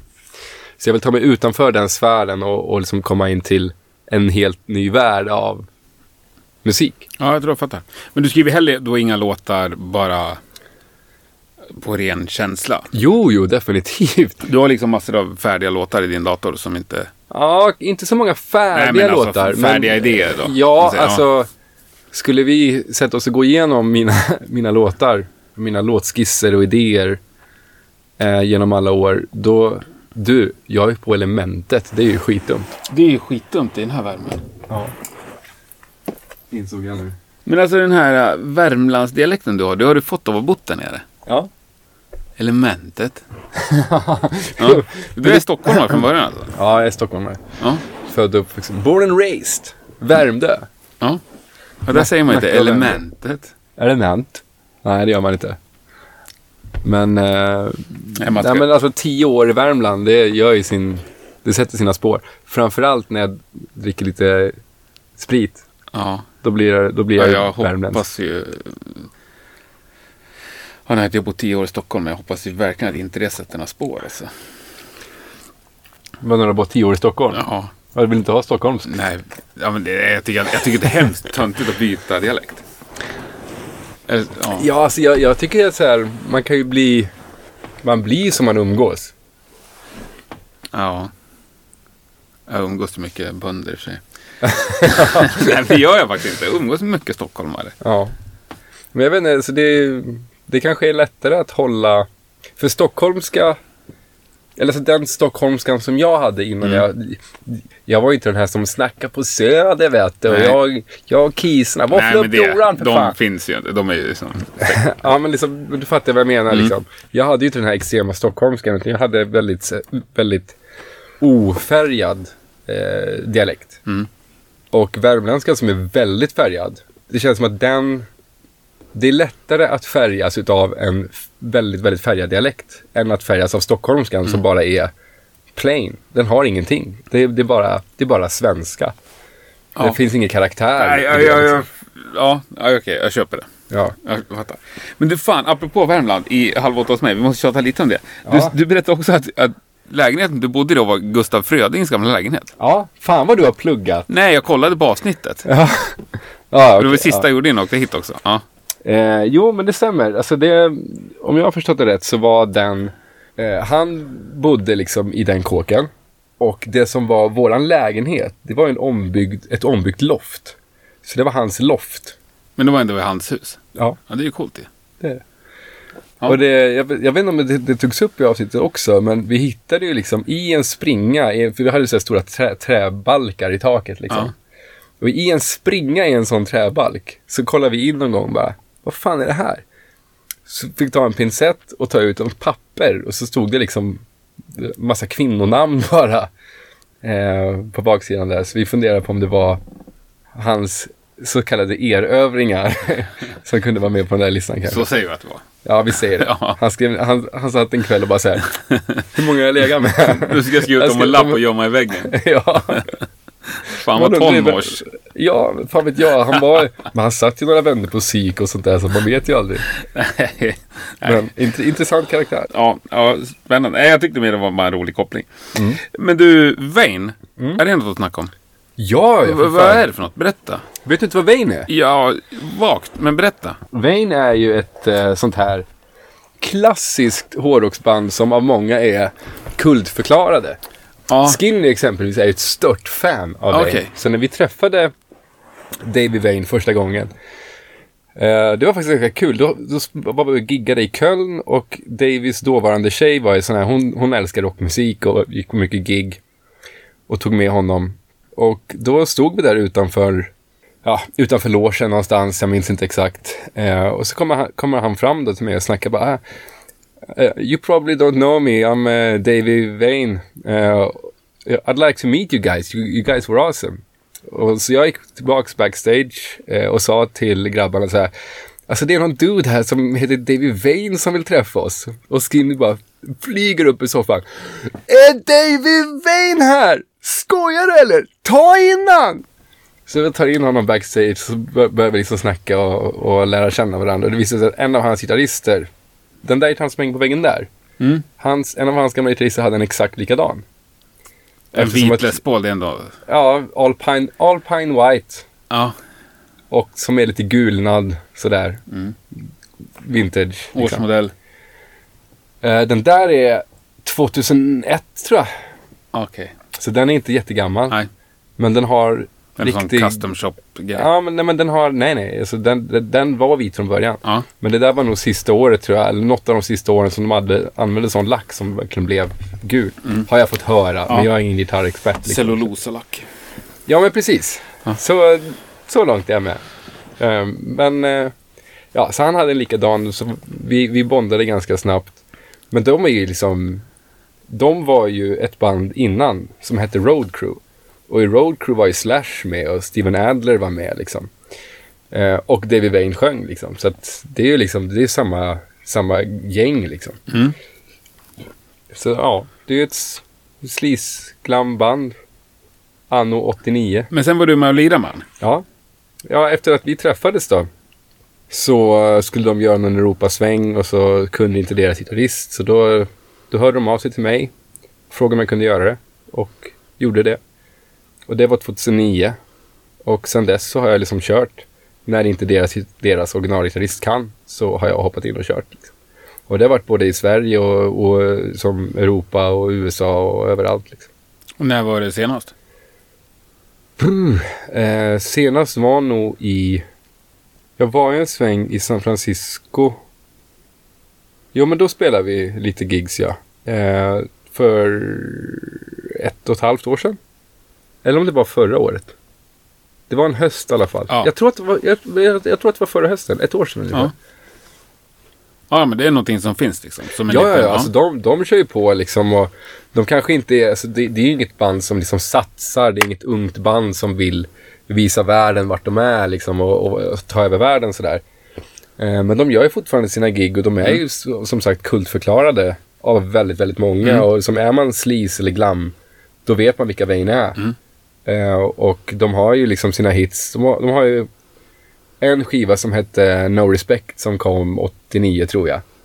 Eh, och den gick ju liksom rakt in i väldigt, väldigt mångas hjärtan. Och fortfarande idag, liksom nya sleaze kids eh, och glam kids eh, älskar ju Vain också. Liksom. Så det, det är ett jävligt coolt band. Du borde kolla in dem mer faktiskt. Ja. Ja, eh, men det kanske jag ska göra. Ja då.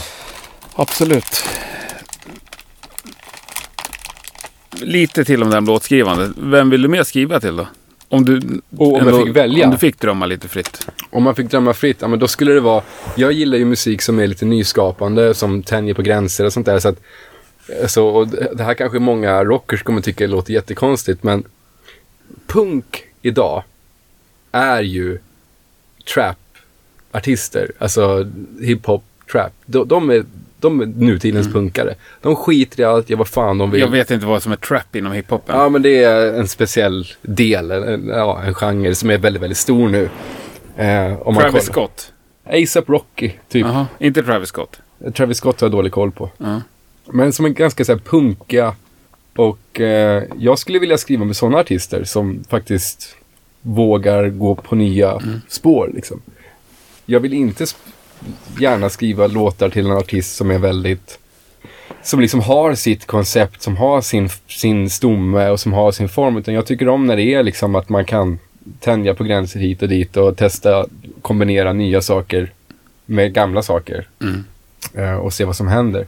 Och det är därför jag gillar den här artisten som jag nämnde förut. Som eh, är en inbiten hårdrockskille som är ganska känd liksom.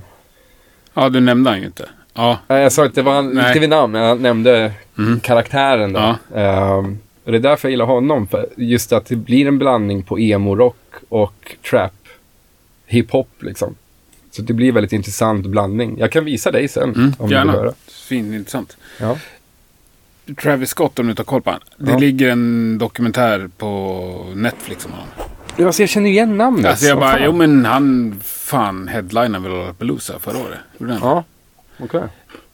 Men han står ju liksom och lirar för 40 000 personer. Det är upplopp utanför, det är upplopp där inne. Mm. Tusen personer stage-divar liksom.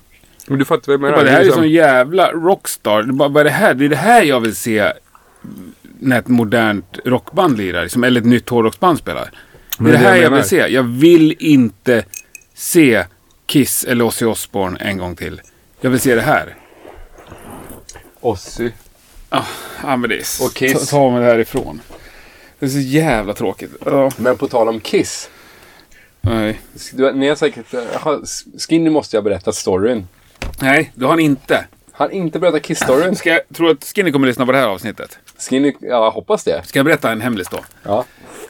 Eh, det är nog mitt avsnitt jag är mest eh, besviken över med Skinny. Varför det? Jag, vet, jag, jag hade aldrig träffat honom innan. Jag hade fått bilden bara av liksom att kolla in honom, att han verkar så jävla skön snubbe. Ja. Och jag vet inte, jag tänkte nog bara det här kommer bli sjukt bra. Det var ju liksom i början också av Rockpodden. Mm. Jag vet att jag hade med mig kaffe i en termos. Man sa att det är kallt som fan i lokal. Här. Nej, det vart ingen riktig kemi bara. Vi hade trevligt så här, men det vart aldrig någon... Ingen som tog fart, nej. Nej, ingenting Det som var tog att kolla i fart. blocket efter nya frågor och sådär. Ja, men lite sådär. Ja. Jag tror, och nu har jag träffat Skinny massor och jag älskar honom. Han är så helt fantastisk. Bara shit. Jag har många gånger tänkt att det skulle varit... Ja, om jag någon gång Du ska... borde, ta, du borde ta han igen. Om jag ska börja göra folk igen. Ja. Då tror jag att Skinny kommer etta på min lista. Grymt. Mm. Nej, det här har jag alltså- nästan inte berättat för någon. Men nu tänkte jag då vill att Skinny hörde först så att säga. Så att det inte blir någon bakväg. Ja. Ja, det är gull, gulligt. Mm. Men eh, Kiss då? Det Ja. här är, jag förstår inte att, han, att ni inte kom in på det här spåret. För att Det var ju för att jag gjorde en dålig intervju.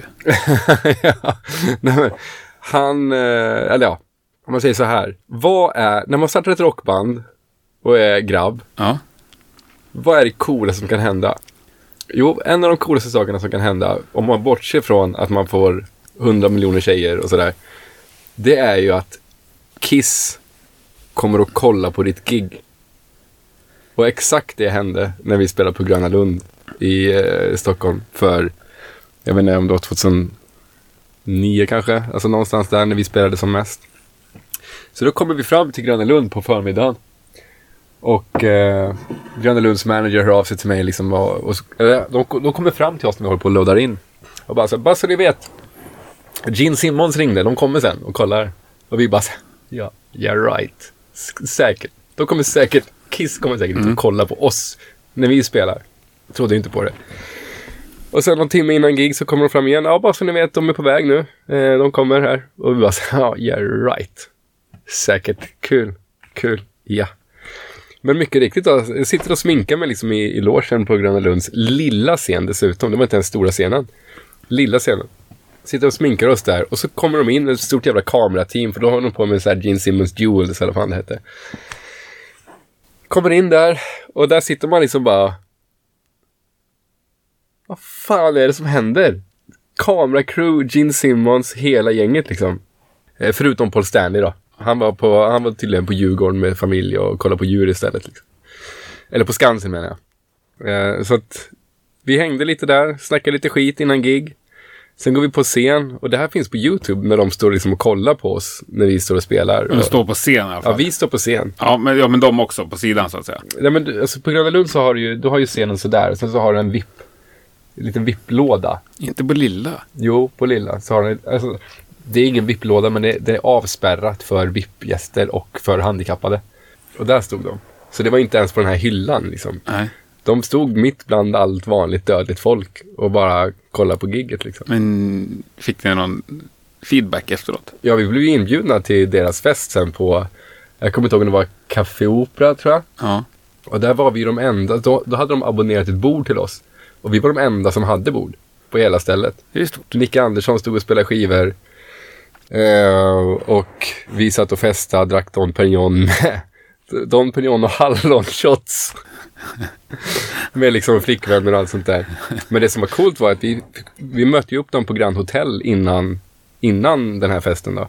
Och fick åka med deras entourage liksom med, med svarta Mercedes, Mercedes Vans, alltså så stora Ja. Jeep typ liksom. Ja. Eh, och gå på röda mattan och... Men de skulle Hela lira i. Stockholm i den här vevan. Ja, alltså. de, de hade ju Gra- Grand Hotel som sin, sin bas när de skulle spela, som Sverige, eller Stockholm. Eh, Helsingfors. Ja, men Ja. Stockholm, Helsingfors, Oslo Mm. och sådär liksom. Så ja, det var ju jävligt surrealistiskt liksom att ha Kiss som kommer att kolla på. Ja. Och tydligen så fick jag höra efterhand också att det var för att Eric Singer tyckte att vi var jävligt, jävligt coola liksom. Coolt.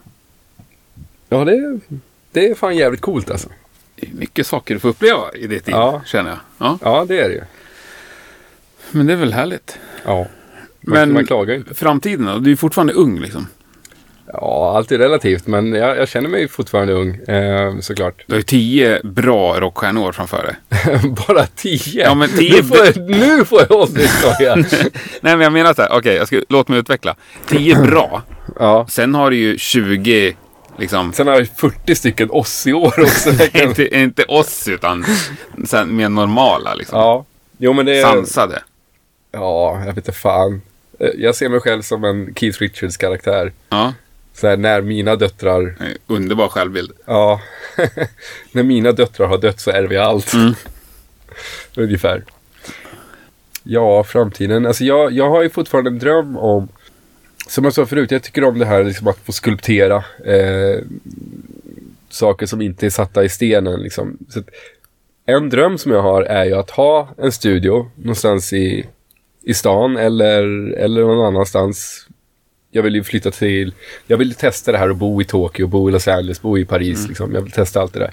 Men min dröm är att ha en studio dit nya artister kommer, gärna liksom som precis har blivit signade eller ganska osignade liksom. Och få hjälpa dem att hitta deras sound liksom. Och skulptera dem till de bästa artister som de kan vara. Eh, det är någonting som, det är en tanke som i eh, de senaste fyra, fem åren i alla fall har varit liksom, det här vill jag göra. Bra målbild. Ja, tycker det. Har du koll på Palma Sounds? Vet du det? Ja, de, den studion på Ja. eh, Gran Canaria. Nej, i Palma. Ja, inte det Gran Mallorca. Ja, Major, ja, men Kanarieöarna ja. Nej, men Palma är ju en svincool stad ju. Jo, jo, men det är ändå Kanarieöarna. Nej, Mallorca är inte Kanarieöarna. Är det inte? Kanarieöarna ligger ju i Afrika. det. Nej, det ligger det är i Spanien. Ja, fast det utanför Afrikas Ja, kust. okej. Jag vet, jag har i alla fall hört Mallorca, talas om det. Mallorca ligger i Medelhavet. Ja, okej. Ja. Whatever. Ja, Har du koll på den studion? nej, hört talas om och sett bilder från. Följ dem på Instagram, det räcker. Men jag, gör det tror jag. Det är liksom Universal och Mm. Sony skickar dit unga på långa projekt. Sen är ju typ så här Bo Kaspers åker dit och spelar in sin platta. Just det, det såg jag. Det är ju sånt bygget. De har ju liksom inte snålat på en enda grej. Nej. Det är så sjukt snyggt och svinbra. Jag tror att det är tre studios i, Ja. i huset. Ja, Liksom. men det är en sån grej som jag hade Det är gjort. ju, och vad heter han killen då som har startat den? Han hade ett band för som heter Vildsvin i alla fall. Stenhårt så här rockband. Ja, vad coolt. Jag tror det är samma kille, eller så är det hans brorsa. De är likadana, rött krulligt hår. okej. Nu tappar jag namn igen. Ja, Sånt händer. de som hör det här vet vem jag menar, som, om de känner honom. Ja, nej, men men det var så en det- skitbra så- målbild. Ja, men det, det hade verkligen varit kul för då, då blir det någonting som är nytt varje dag. Mm. Eh, och jag gillar den tanken på att tanken på att inte vara låst till någon viss typ av musik eller, eller sådär va. Utan bara vara helt fri. Men det är lite mer så på drömstadiet, liksom, Mm. eller vision. Vad, vad vet du om framtiden? Eh, vad jag vet om framtiden är att jag har jobbat väldigt mycket med nattklubbar. Mm. Senaste tre åren. Och eh, jag vet att jag kommer att dra ner på det för en av eh, min nyaste klubb som heter Tuben. Som ligger inne på Sol- Solidaritet. Den kommer ju bomma igen eftersom att hela Solidaritet kommer att läggas ner. Eh, I alla fall på den adressen som den är nu. Eh, Så det är det som jag vet om framtiden egentligen. Eh, Och att jag ska ta någon månad eller två och bara lista ut vad jag vill göra med framtiden. Men du vet att ni ska släppa plattan nästa Jo, år? jo, det, jo, absolut. Det vet jag. Men jag tänkte om du menar så här, mitt, mitt personliga liv med allt. Så här, så här. Eh, ja, men med, med Death Star så vet vi att det, det kommer ju komma en skiva. Eh, och vi vet att vi kommer ut och spela. Och eh, vi vet att eh, det kommer hända väldigt mycket saker kring bandet eh, under 2020. Det, det kan jag säga på en gång. Under 2020 så kommer det hända mycket med Death Stars. Sen kan jag inte gå in på detaljer. Men det, det kommer hända mycket. Eh, och eh, Så om man, om man ser 2020 som den närmsta framtiden så är det ju det som verkligen krutet kommer ligga på. Eh, men sen så kommer det ju finnas andra projekt också. Jag vill ju verkligen liksom skriva mer musik till andra. Eh, jag vill jätte, jättegärna fortsätta jobba med Scarlett och jag vill jättegärna hitta nya artister också att jobba med. Kommer 2020 bli ett roligare år än 2019? För du har ändå haft ett ganska roligt år 2019 ja, alltså. fan. Med Hank-grejen och Vacken Ja, både 2018 och... och 2019 har Ja. varit fantastiska. Så det ska mycket till för att 2020 ska slå det. Men eh, sett till de planer som finns så tror jag verkligen att 2020 kan bli ett jävligt, jävligt bra år. Både personligt och Mm. med bandet. Ja, det är deppigt ändå om det backar. ja, Det ska ju gasas. ja, men det är ju så. Men å andra sidan, man kan inte vara på topp hela tiden heller. Liksom. Nej, nej det kan man inte. Uh, fan vad det lät. Det lät också, depp- bra avslutning lät på också podden. deppigt liksom. Man kan inte vara på topp jämt. Nej. Nej. Nej, men det är klart man... Eh, om man ska vara realistisk så man kan inte vara på topp jämt. Men förhoppningsvis så kommer det finnas väldigt, väldigt, väldigt, väldigt, väldigt bra höjdpunkter med 2020. Ja. Men jag hoppas att, för på något vis är det ändå så att du kan ju inte uppleva glädje och de här rusen av eufori för att du har lyckats med någonting. Om du inte också i minnet har stunder som är lägre. Ja, men det räcker att du har det i minnet. Ja, men precis. Men då, Nej, jag, jag, jag är dryg nu bara. Ja, nej då, nej Absolut, för fan. Men ja. det är ju lite så att man, man måste ju för fan man måste ha som de lägsta dipparna och de högsta topparna. Ja. Liksom. Du når inte de högsta topparna utan att ha de läg, lägsta dalarna också. Tror jag i alla fall. Nej, men det, det är min filosofi. fina visdomsord. Ja, eller hur? Men Från en så ung kille. Om du får plocka en grej då från 2019. Som var... Höjdpunkten. Uff. En dag du fick köra igen liksom. Ja du. Den är fan riktigt jävla svår. För det, fanns, ju- det, har, det har funnits så många stunder liksom. Jag kan väl säga så här. Den, den, de dagarna när, när vi hade gjort officiellt att jag kom tillbaka till, till bandet. Till Death Stars. Den positiva feedbacken som jag fick från alla fans då. Var ju så magisk. Och det var, det var ju liksom. Fast det, det var ju inte ett dygn. Utan det var ju kanske under första liksom två veckorna liksom, efter nyheten. Så var ju min inbox full bara av mail och det var in, på Instagram och det var Facebook och det var liksom överallt bara så folk som var så jävla glada att jag var tillbaks. Och jag hade förväntat mig att folk skulle uppskatta det. Men den typen av uppskattning som jag fick då som verkligen var liksom folk som skrev att så ja, jag grät när jag fick veta att du skulle komma tillbaka till bandet. Det var inte jättemånga som gjorde det. Men när man får den typen av feedback så ja, man blir jävligt, jävligt glad bara. Det är nästan svårt att ta in kan jag tänka. Ja, det Att är någon sitter i Sao Paulo och gråter. Ja, det, För att man läst på Facebook att du ska komma tillbaka. Ja. ja, det är så weird. Ja, men- Eh, men det är, man, man blir ju väldigt, väldigt... Jag blev väldigt, väldigt positivt överraskad. Så den, de dagarna där, eller veckorna, liksom de en, två veckorna, de var jävligt fantastiska. De, Mm. de, skulle jag varje dag kunna få den typen av positiv feedback, då hade ju mitt självförtroende varit mycket, mycket bättre än Gene Simmons kan jag säga. Men tror inte, ja precis, jag tänkte säga, jag tror inte att man blir dum i huvudet av det. Jo, men det är klart man blir det. Ja. Alltså fy fan. Jag vart ju så dum i huvudet i början av det, när, jag, när jag gick med i Death Stars från början. Ja. Ja, men tänk själv liksom.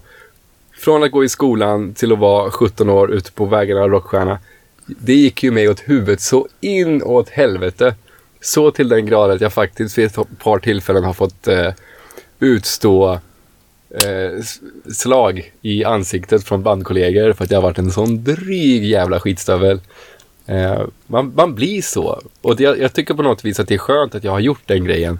För det innebär att nu kan jag ha ett avstånd till det och inte vara lika dryg skitstövel som jag var då. Liksom. Gud vad intressant. Men har du någon sån där liksom ögonblicksbild av Hur risig jag kunde vara. Ja, som du verkligen...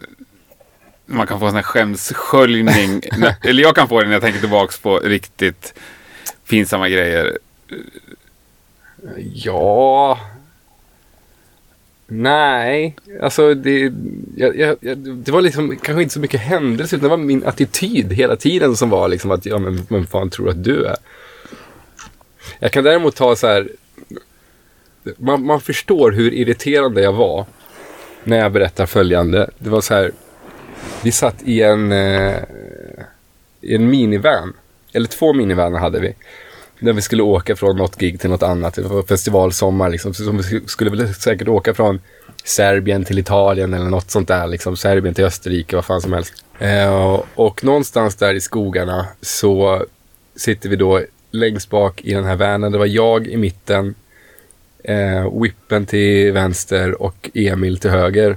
Och jag var ju liksom, jag hade gått bara folk på nerverna i flera dagar liksom. Folk hade bara såhär, åh fan vad dryg han är. Liksom, varför tog vi med honom i bandet överhuvudtaget?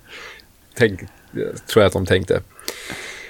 Så vi började prata om musik och jag sa vid något tillfälle, eller Emil tror jag sa att han, eh, att Scorpions, det är fan bra det. Och så sa jag någonting i stil med så här, Scorpions, fan de är inte speciellt jävla bra.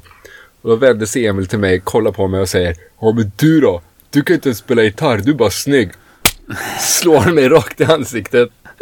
Det var liksom en sån liten droppe som att jag inte gillar Scorpions räckte för att jag skulle bara... Ja, jag fattar. Bra. Ja, nu räcker det. Ja, det var verkligen... Grabbjävel. Ja.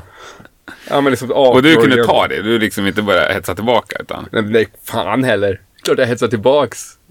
Alltså nu i efterhand så kan jag tänka så här, fan vad kul det var. Mm. Och faktum är att dagen efter så tänkte jag också, fan vad kul grej egentligen. Mm.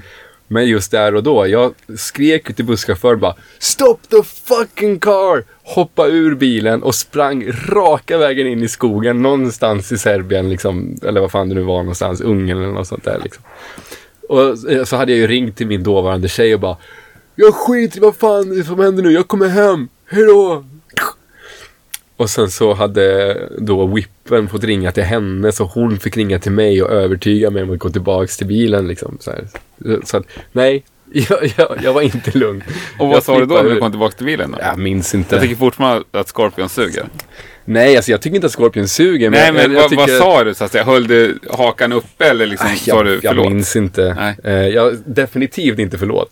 Nej. Definitivt inte. An, antagligen så tänkte jag i min hjärna att, att de ska säga förlåt till mig. Liksom. Ja. Men för att man får också tänka in i att vid det här tillfället när det här hände så förstod ju inte jag hur dryg jag var. Nej, nej. Utan det är du tyckte du var en förstått. skön kille. Ja, Ja. exakt. Jag tyckte bara jag var jävligt, jävligt bra liksom. Men eh, i efterhand så har man fått inse saker. Man har ju fått höra stories också. Ja, men sen så var det en till. Jag var ju, jag var ju inte blyg när det kommer till alkohol heller. Så att väldigt många saker har man ju kanske glömt bort själv. Som en, eh, en nära vän till mig eh, som är ute och spelar väldigt mycket också. Ganska känd, eh, väldigt, väldigt känd basist. Eh, och extremt duktig musiker och skön kille. Vi hade träffats, trodde jag, första gången på en av mina klubbar för två år sedan. Eh, på, som då hette Cave. Eh, som låg på Beer House, inne på Beer House i, på Tegnérgatan. Tror jag den hette, gatan. Ja. Eh, jag trodde vi träffades första gången där. men då berättade han det efter ett tag, liksom att ja, men, vi har träffats flera gånger förut. Men då hade jag varit så jävla dryg och full eh, så att jag kom inte ihåg det. Liksom. Ja, det var någonting jag hade sagt till han. Jag kommer fan inte ihåg vad fan det var jag hade sagt. Jag, det, jag sa någonting som var skitkul i alla fall. Men jag kommer inte ihåg vad det var. Nej. Men du får inte ångest och sånt så här efterhand? Nej. nej. Alltså i och med att jag har, vad säger, ska man säga, liksom lärt mig. Så här, jag, jag, tror att jag, jag, jag tror att jag var tvungen att gå igenom det stadiet Mm. för att kunna bli den jag är idag. Och den jag är idag är jag ändå ganska nöjd med. Liksom. Och hade jag inte gått igenom hela den där drygperioden så hade jag inte varit jag. Och då, ja, du fattar Mm. vad jag menar. Liksom. Makes sense. Perfectly. Så att det, det, var, det var liksom någonting som had to be done. Liksom. Ja. Men jag är glad att det är över och jag är glad att jag inte, inte är lika fucked up och dryg och stollig och Mm. jävlig längre. Jag tror i alla fall inte att jag är det. Men det får ju andra Mm. avgöra vad de tycker. Ja, de får höra av sig. Ja, ja, och det gör de ju emellanåt också. Men, men du nattklubbar, du har ju en liveklubb också. Har du en kvar? Eh, Du tänker på Sta- Standing Swing? Ja. Ja, vi kommer köra sista, sista Standing Swing kommer nu på lördag. Med Och då är det Voodoo Mansion som spelar. Så Hubbe... Hubbes eget, han avslutar sin egen klubb. ja, exakt, exakt så. Eh, vilket är väldigt passande. Ja. Sen blir det inget mer. Sen blir det ingen mer Satanic Swing. De kommer, starta de kommer ju ha någon ny klubb där. Eh, och sen så kommer ju liksom B. James kommer ju fortsätta. Ja. Men Satanic Swing kommer läggas ner. För ni har ju haft de bästa banden ju. Jag tycker också det. Tycker också det. Acid Strip och Skräcködlan och ja. Skräckölen var ju fruktansvärt bra. De är, de är alltid Ja. fruktansvärt bra. Och eh, även när vi satte igång Satanic Swing så hade vi ju, vad fan heter de nu då? Hjärnsläpp. De har ju till och med skrivit en låt som varför vi heter Satanic Swing. De har en låt som heter Satanic Swing. Ett Göteborgsband. Transport League. Ja, Så, med Tony eh, Jelenkovic. Ja, vad sa du? med Tony Jelenkovic. Ja, fy fan vad den låten är bra. Eh, Satanic Swing då, som den heter. Eh, och de, de har ju spelat också, vilket jag tyckte var liksom ett av mina absoluta toppgig. Där. Ja, det är De och Skräcködlan var ju liksom, fan vad bra. Sen har jag tyvärr missat ett par gig också. Bl- Bland annat så missade jag ju när Scarlett spelade på Sat- Satanic Swing. För då var jag iväg och spela med, då, men då var jag i Brasilien. Ja. Så det var ju jävligt trist att jag missade dem på min egen klubb. Liksom. ja, det missade jag också faktiskt. Men fortsätt att boka band. Det behövs ju fler sådana, inte färre. Ja, eh, jag själv känner att jag, jag har faktiskt en grej som kanske blir av. Jag har ett möte nästa vecka på en mycket mer... För en sak som jag tycker är tråkigt, det är att rockband och liksom alternativ musik, man kan nästan säga att de är förvisade till Anchor och Herbie James. Mm. Och jag älskar de ställena. Första gången jag var på Anchor var som 13 år gammal. Gick dit med farsan och kollade på ett band liksom, som jag ville se. Jakob Samuels gamla band faktiskt som heter Midnight Sun. Skitcoolt power metal. Eh, men eh, så jag har en ny grej på gång där eh, som är på en lite, på ett lite mer eh, snyggt ställe. Med Underbart. lite bättre utrustning och det är lite bättre Ja men det är liksom en bättre lokal som är mer anpassad både för gig men också för fest liksom.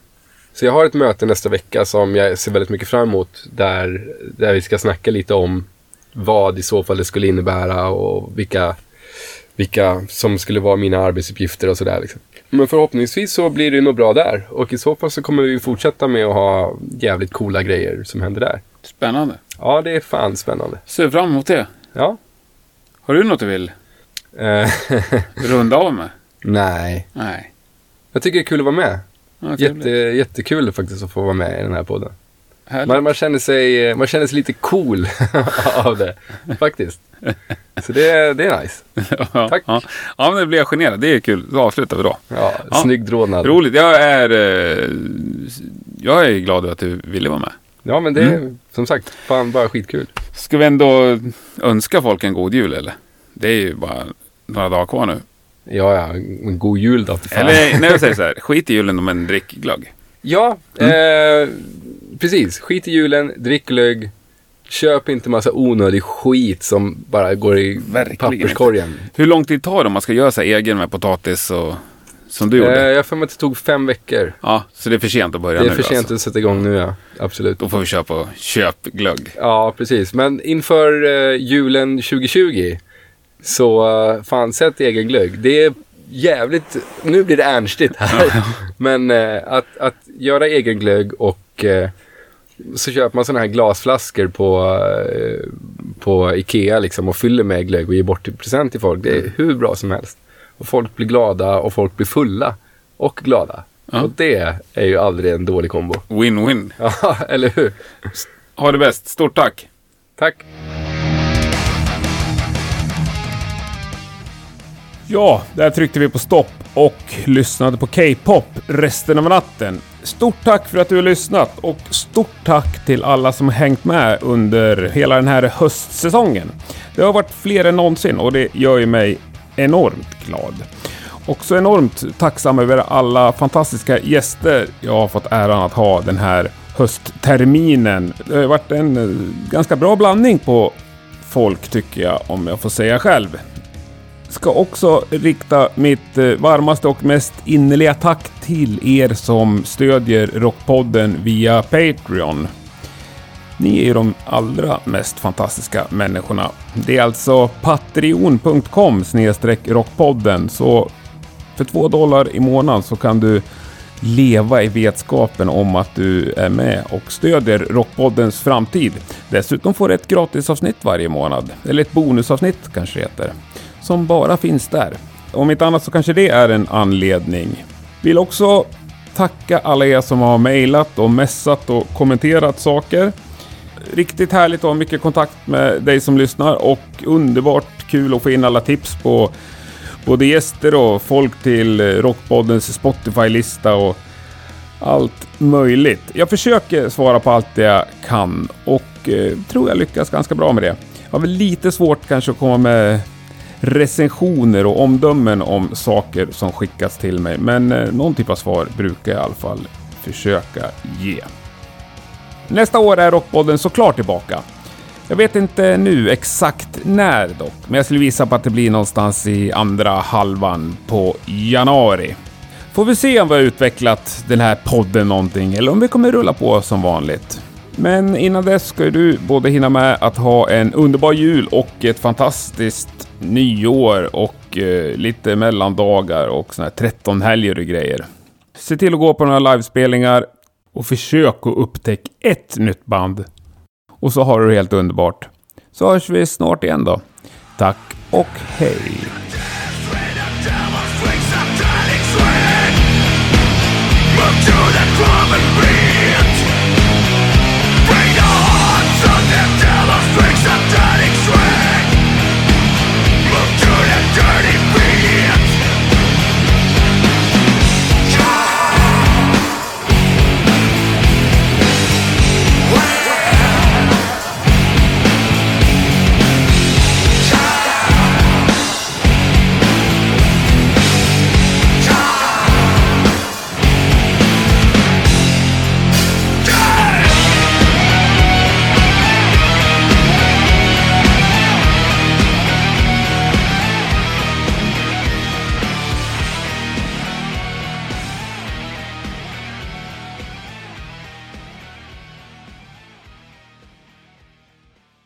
Don Pignon och hallonshots.